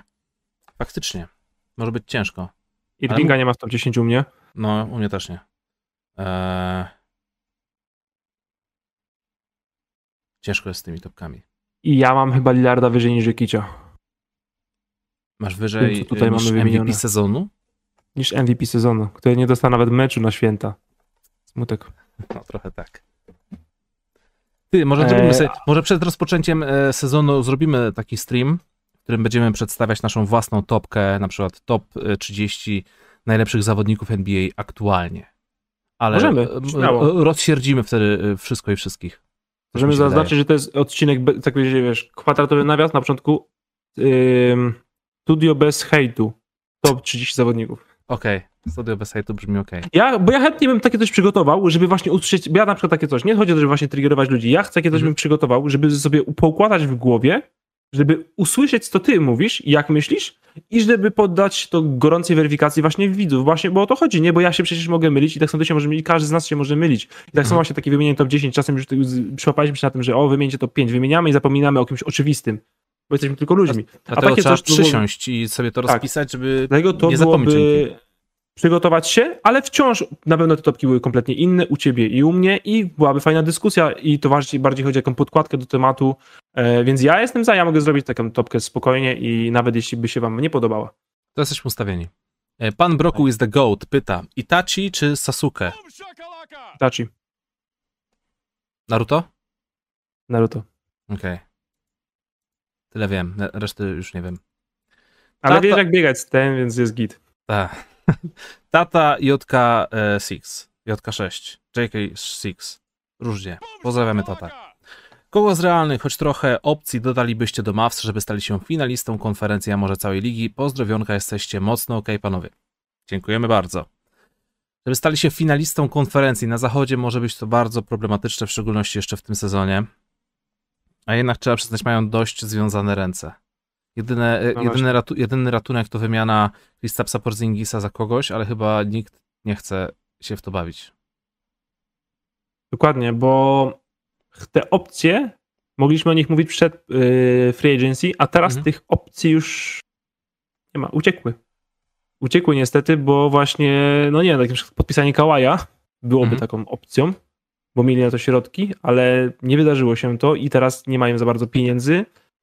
I no i to jest Dallas. Ciężko będzie tam kogoś przyciągnąć takiego właśnie, bo to był, przydałby się właśnie gość, no Kawhi Leonard to jest, wiecie, gość, który każdej drużynie przy, przydał, to jest idealne, wiesz, jakby takie wyniesienie drużyny na wyższy poziom, co pokazał Toronto Raptors, Mhm. bo chodzi właśnie o takiego kogoś, kto odciąży lukę w kluczowych momentach, a przy okazji, żeby był dużo lepszym obrońcą od niego. Tego, te, tego typu zawodnik mógłby ich wynieść na wyższy poziom, bo rezerwowy ball handler oszczędzi lukę w, w jakichś tam minutach, ale chodzi też o gościa, który będzie na końcu meczu na boisku i będzie robił różnicę na plus. A tak Mhm. naprawdę Luka jest tak dobry, że mogą nic nie zrobić i być w finale konferencji w przyszłym roku. Nie jest to wykluczone. Mm, Pucci, teraz Pucci. Jeszcze, e, jeszcze jest kilka donate'ów, później wskoczymy jeszcze na normalne pytania. E, W sensie Pomidor z- jeszcze, z- Łukasz. Z listy. I pomidor, oczywiście jeszcze pomidor. E, Dziękuję Pucci, pozdrawiam serdecznie. E, Cytuję, siema świrki, jak grać to z pasją. Kiedy kącik miłości kas? Czekam i czekam. Za Dragon Ball masz minusa, Bartłomieju. Piona. Bartłomieju. Ależ mnie pocisnął tak Uuu, podwójnie, że i no. że minusik jeszcze od... Ajajaj, no ładnie. Bartłomiej Drap. Tego nie było. No, kącik miłości. Chaos będzie jeszcze w sierpniu. Nie wiem, czy za tydzień, ale będzie jeszcze w sierpniu. Mamy dwa programy przed sobą jeszcze, więc, więc damy radę. I dziękujemy za e, pytania, za my to pozdrawiamy. Kolejne pytanie od Maciasa. Witam panowie, top 5 najlepszych białych w NBA. Balt Mamba, Alex Caruso i co dalej? Białych w historii? Białych teraz. Czy to już jest rasizm? No i to jest dobre pytanie. Czy, do, Więc może nie róbmy czy- topki, ale... czy Macias chcesz, abyśmy dokonywali segregacji ludzi w tym momencie na żywo? Nie? Mocne słowa, Łukasz.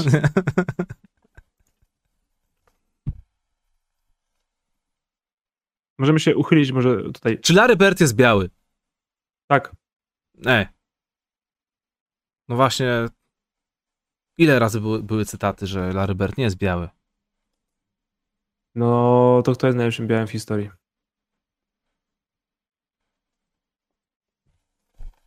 Widzisz, a mielibyśmy łatwą odpowiedź, gdybyś teraz tego y, nie zanegował.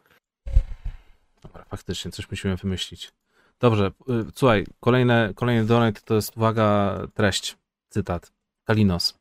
Strasznie wczoraj zachlałem, paliłem blanty do piątej rano, film mi się urwał, jak leżałem w rurze, trochę się przespałem, ale musiałem wstać, bo mam obowiązki. Jest wasze studio, niektórzy mówią, że nie można chlać, jak jutro jest studio. Można, tylko trzeba wstawać rano, na tym y, odpowiedzialność. Zabrakło znaków, ale wszyscy wiemy o co chodzi. Dziękujemy bardzo, Tak. Kalinos, pozdrawiam serdecznie. Fajny, no. fajny serial. Sympatyczny donate też. Mhm. Dobrze, jeszcze y, trzy donaty zostały. Czajnik czai czai. Czy waszym zdaniem... O Boże, to są ciężkie pytania, uwaga. Czy waszym zdaniem kobieta woli być sama, czy w objęciach chama? Czy to jest cytat z piosenki? Wolałbym, żeby to był cytat z piosenki, Bartek. Nie mam Piosenki, pojęcia. której nie znam. Nie jest to zdanie, z którym jestem zaznajomiony, ale myślę, że to pytanie powinno zadać się kobiecie i dać jej wybrać. Tak. Y, Bartek, top 3 delt wstecznych. Ciężko będzie top 4 wstecznych, nie ma ich aż tak dużo. Eee, I to byłoby już bardzo zaawansowane studio. I przyznam się szczerze, że z pamięci nie jestem w stanie takiego, yy, takiego programu poprowadzić. Musiałbym się też znowu przygotować.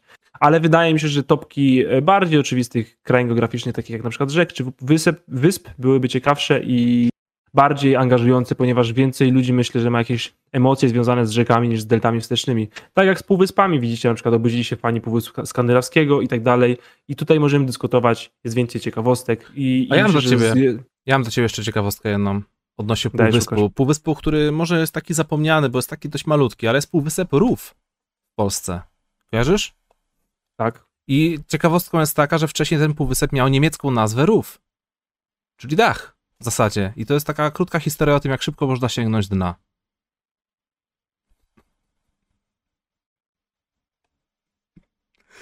Eee, dalej, Łukasz, top 3 proszków do prania. O Jezu, nie, nie, nie wiem. nie wiem. Nie, uż, nie Tylko używam. kapsułki do W sensie prania. używam nie używam kapsułki, proszku. ale ja nie patrzę na firmę. Chyba, że będzie sponsorship. Patrzysz na promocję, nie? Chyba, że będzie sponsorship, nie? To wtedy możemy. Ja patrzę na promocję i tak kupuję kapsułki do prania. Aparycja Bobana czy Muresana? Uuu, to też jest pytanie do Uuu. kobiety. Tak mi się wydaje. Ale chyba Chyba, Boban. że Łat, ła, chyba- ale Boban właśnie- ma ale nie, ładniejszy właśnie- uśmiech. Boban ma taki zaraźliwy właśnie- uśmiech. chodzi o to, czy mam wybierać na potencjalnego partnera, czy jak ja bym chciał wyglądać. No to jest inna sprawa. Ale to jeszcze Ja nie myślę, koniec. że- Dezodorant w kulce No. czy w sprayu? Dla mnie kulka. Sprayu. Serio? Znaczy, ja kulki nie używam, używam takiej do smarowania, taki płaski, smaruję. Nie kulka, tylko taki po prostu bardziej jakby... No tak jak kulka, no takie. No trochę tak. Znaczy Takie- ja mam oba, więc może tak, może jestem po prostu sprzedawczykiem, ale używam obu. A? Okej, ja nie szukałem kłopotów, luz. Pa paprykarz szczeciński czy pasztet podlaski? Paprykarz szczeciński. Nie jem mięsa. Tsubasa czy Koji- Kojiro? Koiro? Nie oglądałem ani tego, ani tego. Ej, ale ja też tego nie oglądałem. A Tsubasa to jest właśnie, e, są miejsca w Polsce, w których to rzeczywiście jest taki właśnie ich Dragon Ball, więc Mhm. e, tutaj pewnie ktoś zaraz się odpali. Ja nie wiem, czy to właśnie to jest jakieś powiązane, o sztywcie, przepraszam, dokładnie ta- tablizm. Używam głównie w sztywcie, potem w sprayu. E, co do, do, do dezodorantów. Powiedzcie, z jakich miast oglądaliście Tsubasy? Gdzie to było takie bardziej? U mnie na przykład w ogóle się tego nie mówiło. Ja nie, ja nie wiedziałem w ogóle, że takie coś istnieje, aż nie byłem na studiach. Zacząłem nas- poznawać ludzi z różnych miejsc z Polski. U mnie akurat Tsubasa odbiera, odbierało, tylko że chyba wolałem oglądać jakieś inne e, wtedy anime. Tylko wiesz, nawet nie Ja- pamiętam jakie. Bo Dragon Ball był Ja później. nawet- Kurde, to ile ty masz lat, Łukasz? Bardzo wszystkie. Uhu, dobrze. Dobrze. Ja jeszcze nigdy nie umarłem. Też mam wszystkie. Bartek, w sensie donate od Bartka. Myślałem, że jestem gotowy na to, ale im dłużej to trwa, tym zaczynam mieć wątpliwości. Mama musi być dumna, pozdrawiam, trzymam kciuki za top 3. I to jest donate, który wleciał w trakcie twoich, e, twojego programu osobnego, geograficznego, Bartek. Dziękuję Bartek, pozdrawiam. Sympatyczne imię. I jeszcze raz, jeszcze, jeszcze, jeden, jeszcze jeden donate odnośnie mm, Półwyspów od Krakersa. E, Wbiłem na studio w momencie, jak Bartek zaczął jechać stop 5 Półwyspów. Wow, czekam na twój kanał popularno-naukowy. Pozdro. Stary, możemy zrobić to w ten sposób. Jest na przykład Kacper Pitala, ten mądry z TV Gry. To ty będziesz Bartoszem Okej. Drabem, tym mądrym z profesjonalnego studia NBA. To ty na Nie to. się, Ja się mogę godzę zgodzić na takie traktowanie, pod warunkiem, Ja że założysz kanał. ja się nie godzę na takie szkalowanie. Ja bym, posłu- ja bym posłuchał stary twojego kanału geograficznego, nie wiem. Mów co chcesz, rób co chcesz. Według mnie tracisz Ale dziękuję wam za potencjał. te wiadomości pozytywne. I za te se- serduszka, których tam było też jakiś miliard, też bardzo Mhm. dziękuję. Fajnie, fajnie, że wam się podobało. E, no będziemy mieć teraz kilka tygodni trochę luźniejszych programów, więc może zrobimy jeszcze jakieś wyspy czy coś. Czy to jest czas na zabawę w pomidora? Tak jest, pomidor. Lecimy. Greg B., czyli Janusz Piechociński, naszych podcastów. Pod każdym podcast, podcastem naszym znajdziecie co najmniej jedną ciekawostkę Grega B., która nijak się ma do tego, co w ogóle rozmawiamy w programie, więc, e, więc tak.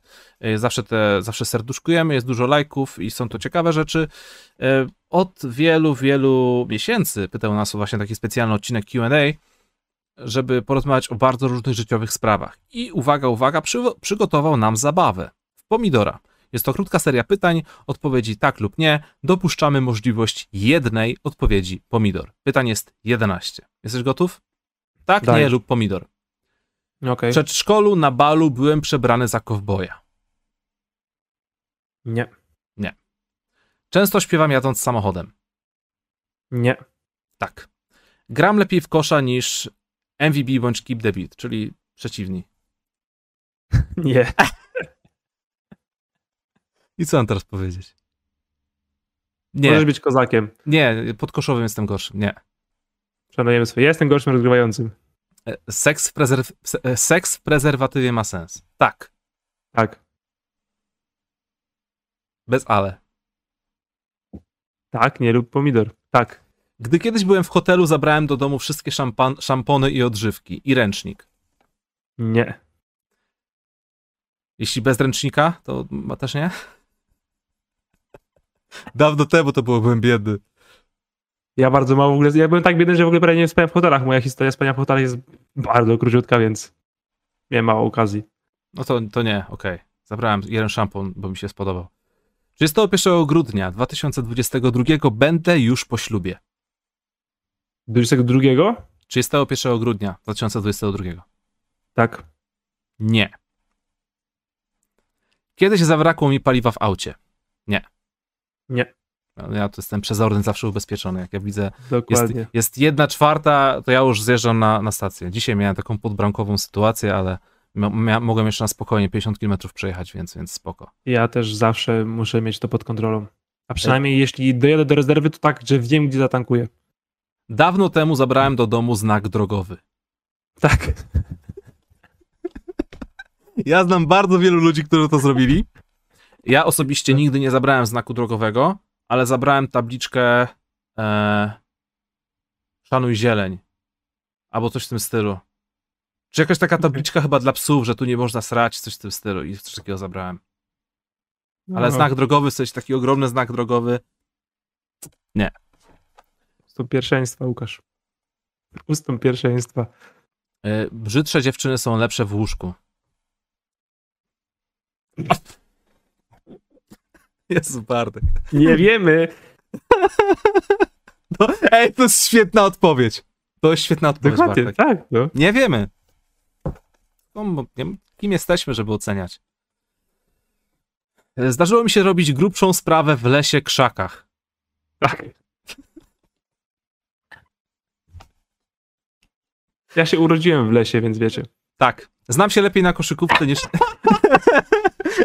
Jak przytrzymał mnie. Znam się. Ostatnie pytanie. Znam się lepiej na koszykówce niż MVP Keep the Beat.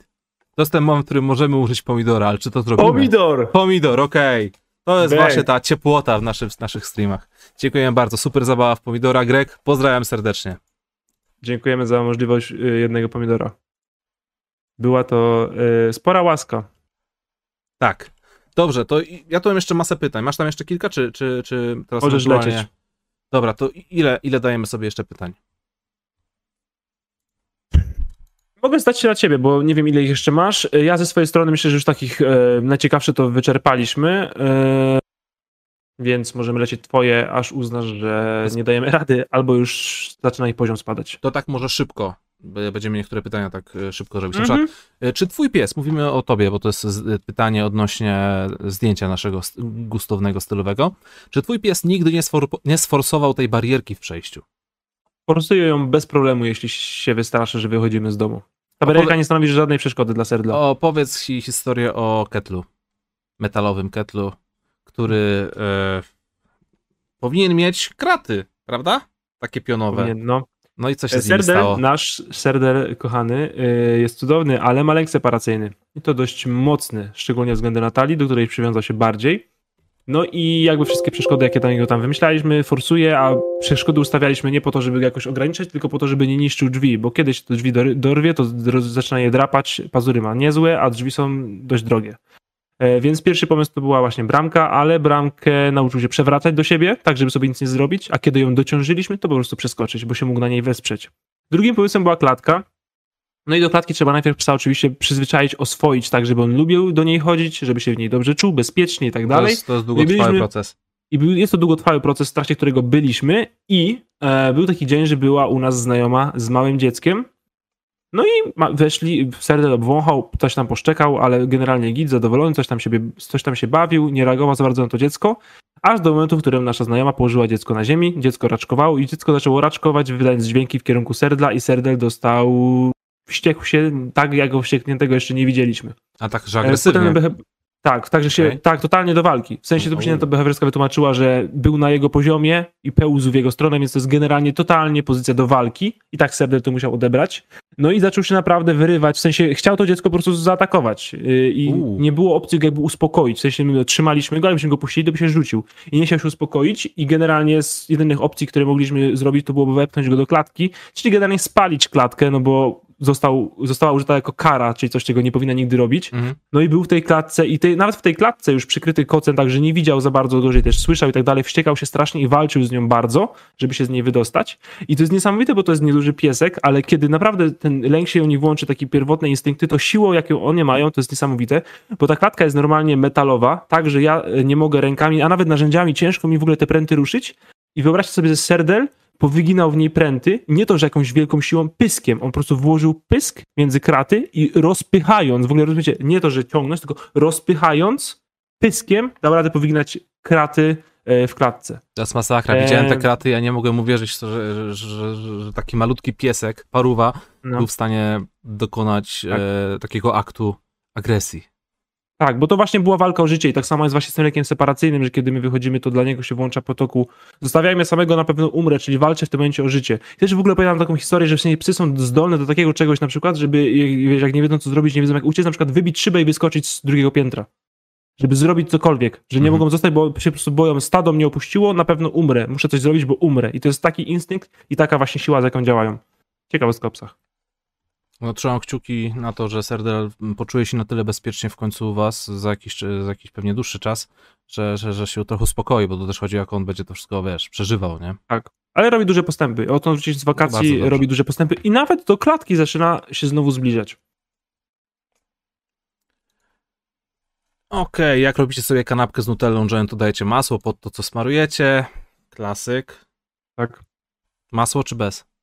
Masło. Bez. Bez? Masło daje tylko wtedy, kiedy jest takie zmrożone i wtedy to nie jest do smarowania, tylko to jest taki, wiesz, płat masła. Wtedy to smakuje. A jeśli Ja miałbym smarować i później smarować drugi raz, nie, to bez sensu. Łukasz, zrób to, smakuje lepiej. Dobrze. Ja zmrożonego nie znoszę. Tak mnie trawi nienawiść. Bo to trzeba Nie, nie kroić, mogę. a nie smarować. No właśnie, i Najgorzej, że ty nie? za dużo tego jest i ach, szkoda życia na takie rzeczy. Ernest Przychodzki zadał mi bardzo ważne pytanie, które muszę wyjaśnić. Kipi, jakie jest top 3 warzyw? Z chęcią wyjaśnię, Ernest. Na pierwszym miejscu ziemniaki, ponieważ ziemniaków można stworzyć wszystko. Na drugim miejscu szpinak, ponieważ trzeba mieć siłę. A na trzecim miejscu pomidory. Suszone. Bo normalnych nie da się jeść. Łukasz Bo mają konsystencję gówna. Bartek? Jest już bardzo późno i musicie wybaczyć Łukaszowi. Ale majonez wybrał dobry, więc wiecie, dalej go kochamy. Okej. Łukasz, masz do pogadania z Alicją. Ja wiem, dużo rzeczy jest do wyjaśnienia. Było wcześniej pytanie o, o ślub jeszcze przed grudniem, więc. E, Baciej Klimowicz e, pyta, czy planujecie po pandemii lot do Stanów na mecz NBA, a jak tak, to do jakiego miasta? Ja może z góry odpowiem, że tak. I nawet w, w zeszłym roku tak skromnie były e, pewne takie przymiarki do tego, żeby, e, żeby polecieć i trochę skoczyć wyżej z tym YouTube'em, no ale pandemia zablokowała wszystko i troszkę plany się posypały. W tym roku to był w zasadzie taki rok e, podnoszenia się ponownie, ale mam nadzieję, że jeśli pandemia ponownie nie przeatakuje aż tak strasznie, że to będzie tylko w cudzysłowie jakiś tam lockdown, to, to, to może na 2022 może dałoby radę coś takiego już zadziałać. Jest to możliwe. Brawo. E, Ja to raczej e, w kontekście takiego myślenia sobie życzeniowego nic konkretnego. Jeśli już, to tak konkretnie, jeśli by się odbyły mecze NBA w Londynie, to zapolowałbym na bilety. Okej, to co, jesteśmy ustawieni. Do Londynu możemy lecieć jasne. Czy do, do Paryża, czy gdzie te, gdzie te, te europejskie y, gry by były, bo to nie musi być koniecznie Londyn. Okej.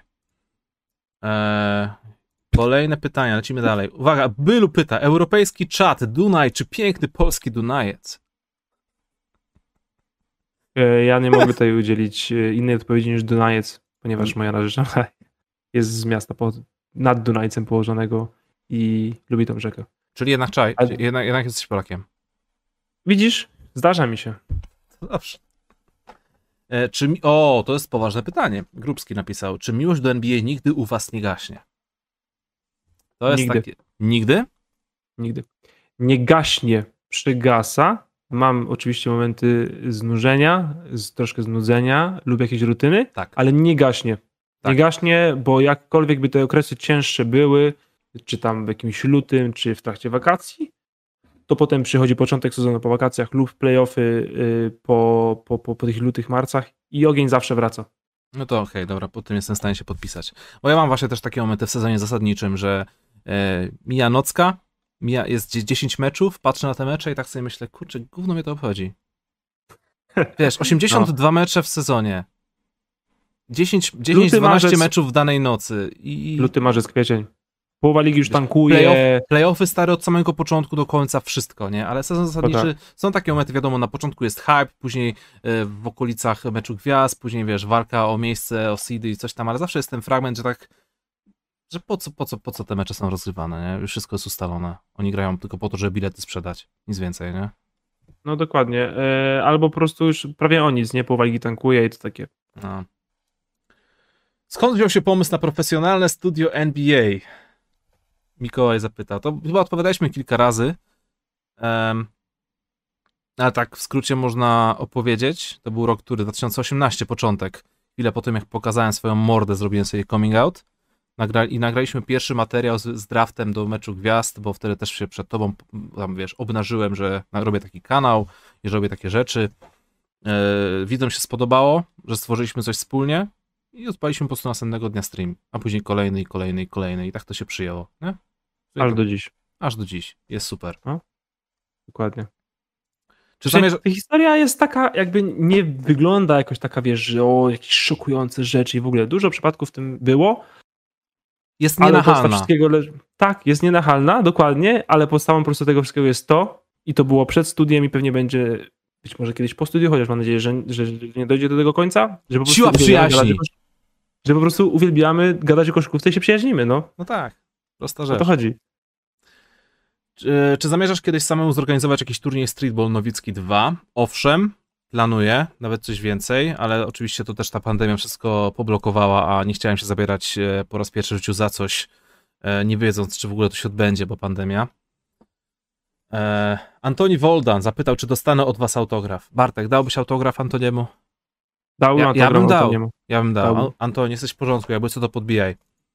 Ja nie umiem pisać za bardzo, ale, ale się postaramy coś wymyślić. Freddy ja L. napiszę MVB, żeby się dał to odczytać. Freddy Tam okropny L. charakter pisma. Ja piszę takie KTB, takie drukowane, bo to przynajmniej jakoś No ja wygląda. MVB napiszę. A widziałeś autograf Conora McGre McGregora? Nie.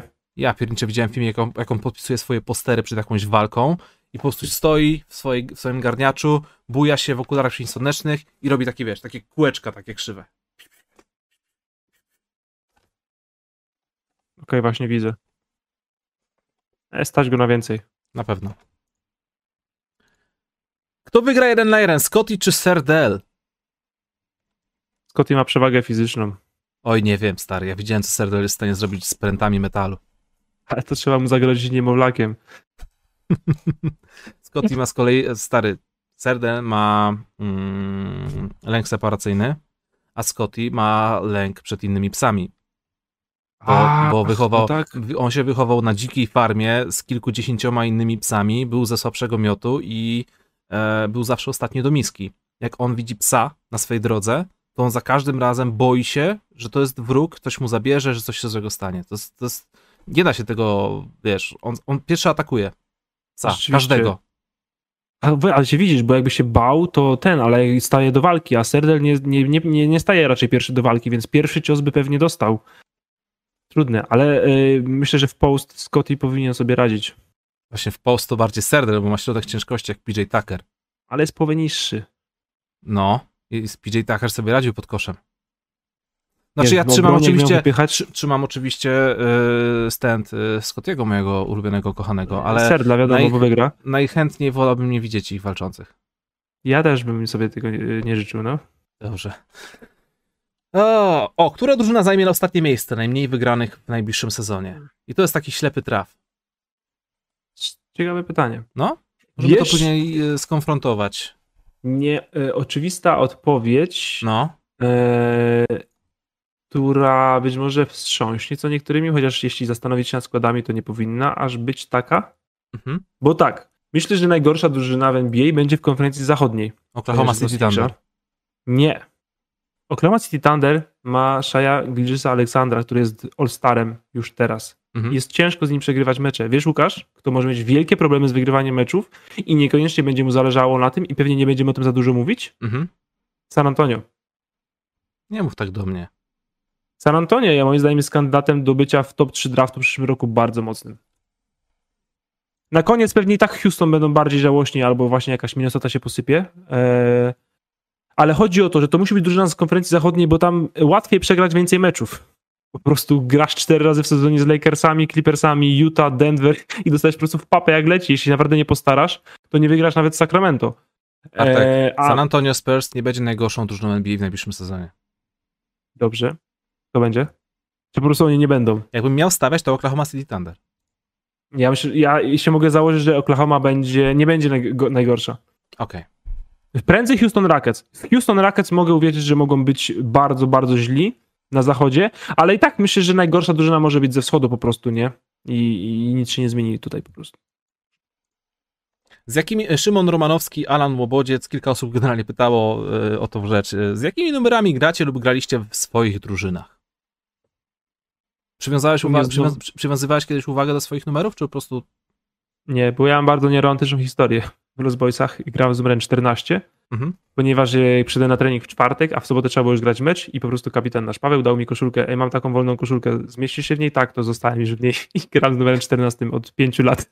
No i stary, widzisz, nie musiałeś brać swojego ulubionego numeru, tylko nadałeś tożsamość numerowi 14. To jest świetna historia. Tak, nadałem tożsamość numerowi, który był po prostu niczyj niechciany i koszulka była pożyczona. Ja to klasycznie grałem w ósemkach albo w trójkach. Ponieważ jak wszyscy wiemy, rzucanie trójek jest najprzyjemniejszą e, częścią e, gry w koszykówkę. Ja mało o tym wiem. Czy będziemy na ten sezon robić znowu ranking drużyn, które awansują do playoffów? Myślę, że tak. Śmiało. Pewnie tydzień później nie zapomnimy już o tym rankingu i w ogóle, że będziemy do nich wracać, bo to tak działa. Ale, Jak ale się tak. będą roz, rozkręcać, e, jak preseason, zaczną grać mecze preseason, dwa, trzy zagrają, to myślę, że to jest dobry moment na takie coś i, i śmiało możemy typować, bo to jest fajne właśnie, żeby zapamiętać sobie kilka take'ów i potem się nimi chwalić, jeśli siadły, albo się śmiać, jeśli nie siadły. O to tym chodzi. Mm. Jakie by tu jeszcze zadać pytanie? Bartosz Stec zapytał, jak Bartek godzi życie zawodowe z zainteresowaniem NBA? Czy rezerwuje czas na szperanie po newsach, czy jakaś codzienna rutynka, etc.? E, tutaj po prostu e, jest pewna rutynka, w sensie mniej więcej mam poczucie, czy danego dnia poświęciłem wystarczająco czasu na koszykówkę, czy nie, tak żeby być na bieżąco i tak dalej. Oczywiście są dni, których jestem więcej, są dni, których jestem mniej, są dni, których obejrzę sobie mecz lub dwa, a w niektórych takie, że po prostu przejrzę newsy i poczytam parę artykułów, a czasem po prostu jestem na bieżąco z spotkami na Twitterze, więc to zależy. Eee, I tutaj jest też może taka odpowiedź, też myślę, że mało romantyczna, po prostu e, wykorzystuję każdą możliwą przerwę w ciągu dnia, żeby coś nadgonić. W sensie na przykład przerwy od pracy ja poświęcam na czytanie koszykówce. Jak na przykład jest jakiś moment, że dziś jestem na przykład, nie wiem, czekam na kogoś 5-10 minut, no to ja wyciągam i czytam lub wyciągam i oglądam. Mhm. E, I z takich po prostu skrawków trochę to składam. Więcej takich dni, wiesz, jakieś mam takie luźniejsze popołudnie, no to wtedy zawsze siadam, coś robię. E, ale w takie zwykłe dni, po prostu kiedy mamy coś planowanego, mam, nie wiem, pracę, trening wieczorem, plus pies, y, oczywiście narzeczona, to po prostu wykorzystuję każdą jedną sekundę przerwy w trakcie, którą mam. W sensie posiedzenia na toalecie, przerwy, pracy, chwilę oczekiwania. I tutaj się akurat przydaje, akurat tu sobie bardzo cenię swoją głowę, że mam coś takiego, że wiecie, mogę na przykład przeczytać jedną czwartą artykułu, wyłączyć go i za dwie godziny do niego wrócić i nie muszę nadczytać, nie muszę nadganiać się, potrafię tak kliknąć w to miejsce, w którego wyszedłem jakby i wiem, że i mogę czytać dalej i to, i to nie zapamiętuję tego gorzej, czytam tak jak- jakby to było całość wtedy i tak mogę jako całość to oceniać. I po prostu tak wskakuję w wolnych chwilach, no i tak to leci, ale żeby też to brzmi to może jakoś źle, e, nie jest to jakieś bardzo uciążliwe, przyzwyczaiłem się do tego i jest, jest mi z tym ok i po prostu wydaje mi się, że jest to rozsądny kompromis między balansem mojego życia, a tym, żeby po prostu robić rzeczy, które lubię, lubię robić. To skoro już jesteśmy w temacie, Zbigniew Kumiński zapytał, czy gryzienie parkietu jest zdrowe na zęby? Nie, ale jest dobre na wygrywanie. Główkę. Co sądzicie o wypiętrzaniu się gór? Czy jest to potrzebne, czy może lepiej by było bez? Myślę, że to nie jest kwestia ideologii. Góry się wypiętrzają, wypiętrzały i będą wypiętrzać, ponieważ świat, tak tak mają. ciekawe, cały czas się zmienia po prostu. Ruchy Tak tektoniczne. mówiłeś o Półwyspie Kolskim, y, wszystko się zmienia cały czas. Są centymetrowe zmiany, ale tak naprawdę połowa kontentów w którymś kierunku idzie lub y, coś się do nich zbliża, lub y, jakiegoś oceanu przybywa, a drugiego ubywa. I tak to po prostu wygląda. Na przykład, nie wiem, oddalamy się od y, Stanów Zjednoczonych, ale za to Afryka się do nas przybliża cały czas, z roku na rok. I kiedyś y, Morze Śródziemne będzie pewnie jeziorem. Na przykład NBA byłaby w stanie zrobić merch z Ligą Afrykańską? Nie, Gdzie- właśnie, bo my się oddalamy, bo Atlantycki się rozszerza, zmniejsza się A, bo ja usłyszałem, że Afryka się idzie- przybliża do Ameryki. Usłyszałem. Przybliża się do Europy, A, do Europy, dobra. a Afryka i Europa oddalają się od y, Ameryk. Okej, dobrze. Półwysep, y, Ocean Atlantycki się po prostu rozpycha. Y, Na środku ma taki szelf i tam sobie generalnie są takie wulkany podziemne i się po prostu y, rozpycha się tamtędy. To jest dalsza część twojego programu. W ogóle tam wcześniej jedna osoba napisała na czacie e, bardzo świetny pomysł na nazwę tego programu. Drabinka geograficzna. Tak, widziałem, no to dobra. Ej, świetne to jest, naprawdę. To Pozdrawiamy. było dobre, jak się miał, jakby się miał rozpoznawalne nazwisko. Pracujemy nad tym. Bartek, e, ten stream trwał już 2,5 godziny. To prawda. Może czas go zakończyć. To było bardzo. Łukasz, nie do końca wyczerpujące wzrostu? Q&A. Metr 78. Kończymy to studio. Tak, to jest najważniejsze, najważniejsze pytanie. Najważniejsze pytanie. I I jeszcze jedno pytanie, bonusowe też ode mnie. twój ulubiony Czy Carmelo- koszykarz Czy Carmelo Antony wstał? wstał, trzyma się dobrze, odbudował karierę w Portland Trail Blazers. Już nie jest roszczeniową gwiazdeczką i w Los Angeles Lakers w tym sezonie ma szansę, żeby wywalczyć swój pierwszy pierścień, nawet jeśli będzie dziesiątym zawodnikiem w rotacji, więc tak, wstał. Dziękuję Łukasz za tą profesjonalną odpowiedź. Bardzo Dziękuję dziękujemy wszystkim. Było zajebiście. Było naprawdę super. E, cały, ja będę optował za, za tym, żeby Bartek. em, już, za, już go namówiłem raz do założenia kanału o koszykówce. Chwilę, przez, chwilę, przez chwilę działało. Więc może, może, damy radę, więc może damy radę namówić go na kanał geograficzny, który jeśli pyknie, to może potrwa dłużej niż ten kanał o koszykówce. Byłoby super. Ja bym oglądał. Kto wie, Kto wie. kto wie. Moi drodzy, y, to był bardzo specyficzny program. Mam nadzieję, że się Wam podobało. Widzi- Widzimy się oczywiście w poniedziałek, najbliższy o godzinie 20.30 i już do końca tego roku wszystkie profesjonalne studia NBA będą odbywać się właśnie w poniedziałki o 20.30. MVB, Keep the Beat, Q&A, Wasze studio, Top 10 Półwyspów. Kończymy. Trzymajcie się i do następnego razu. Pa, pa.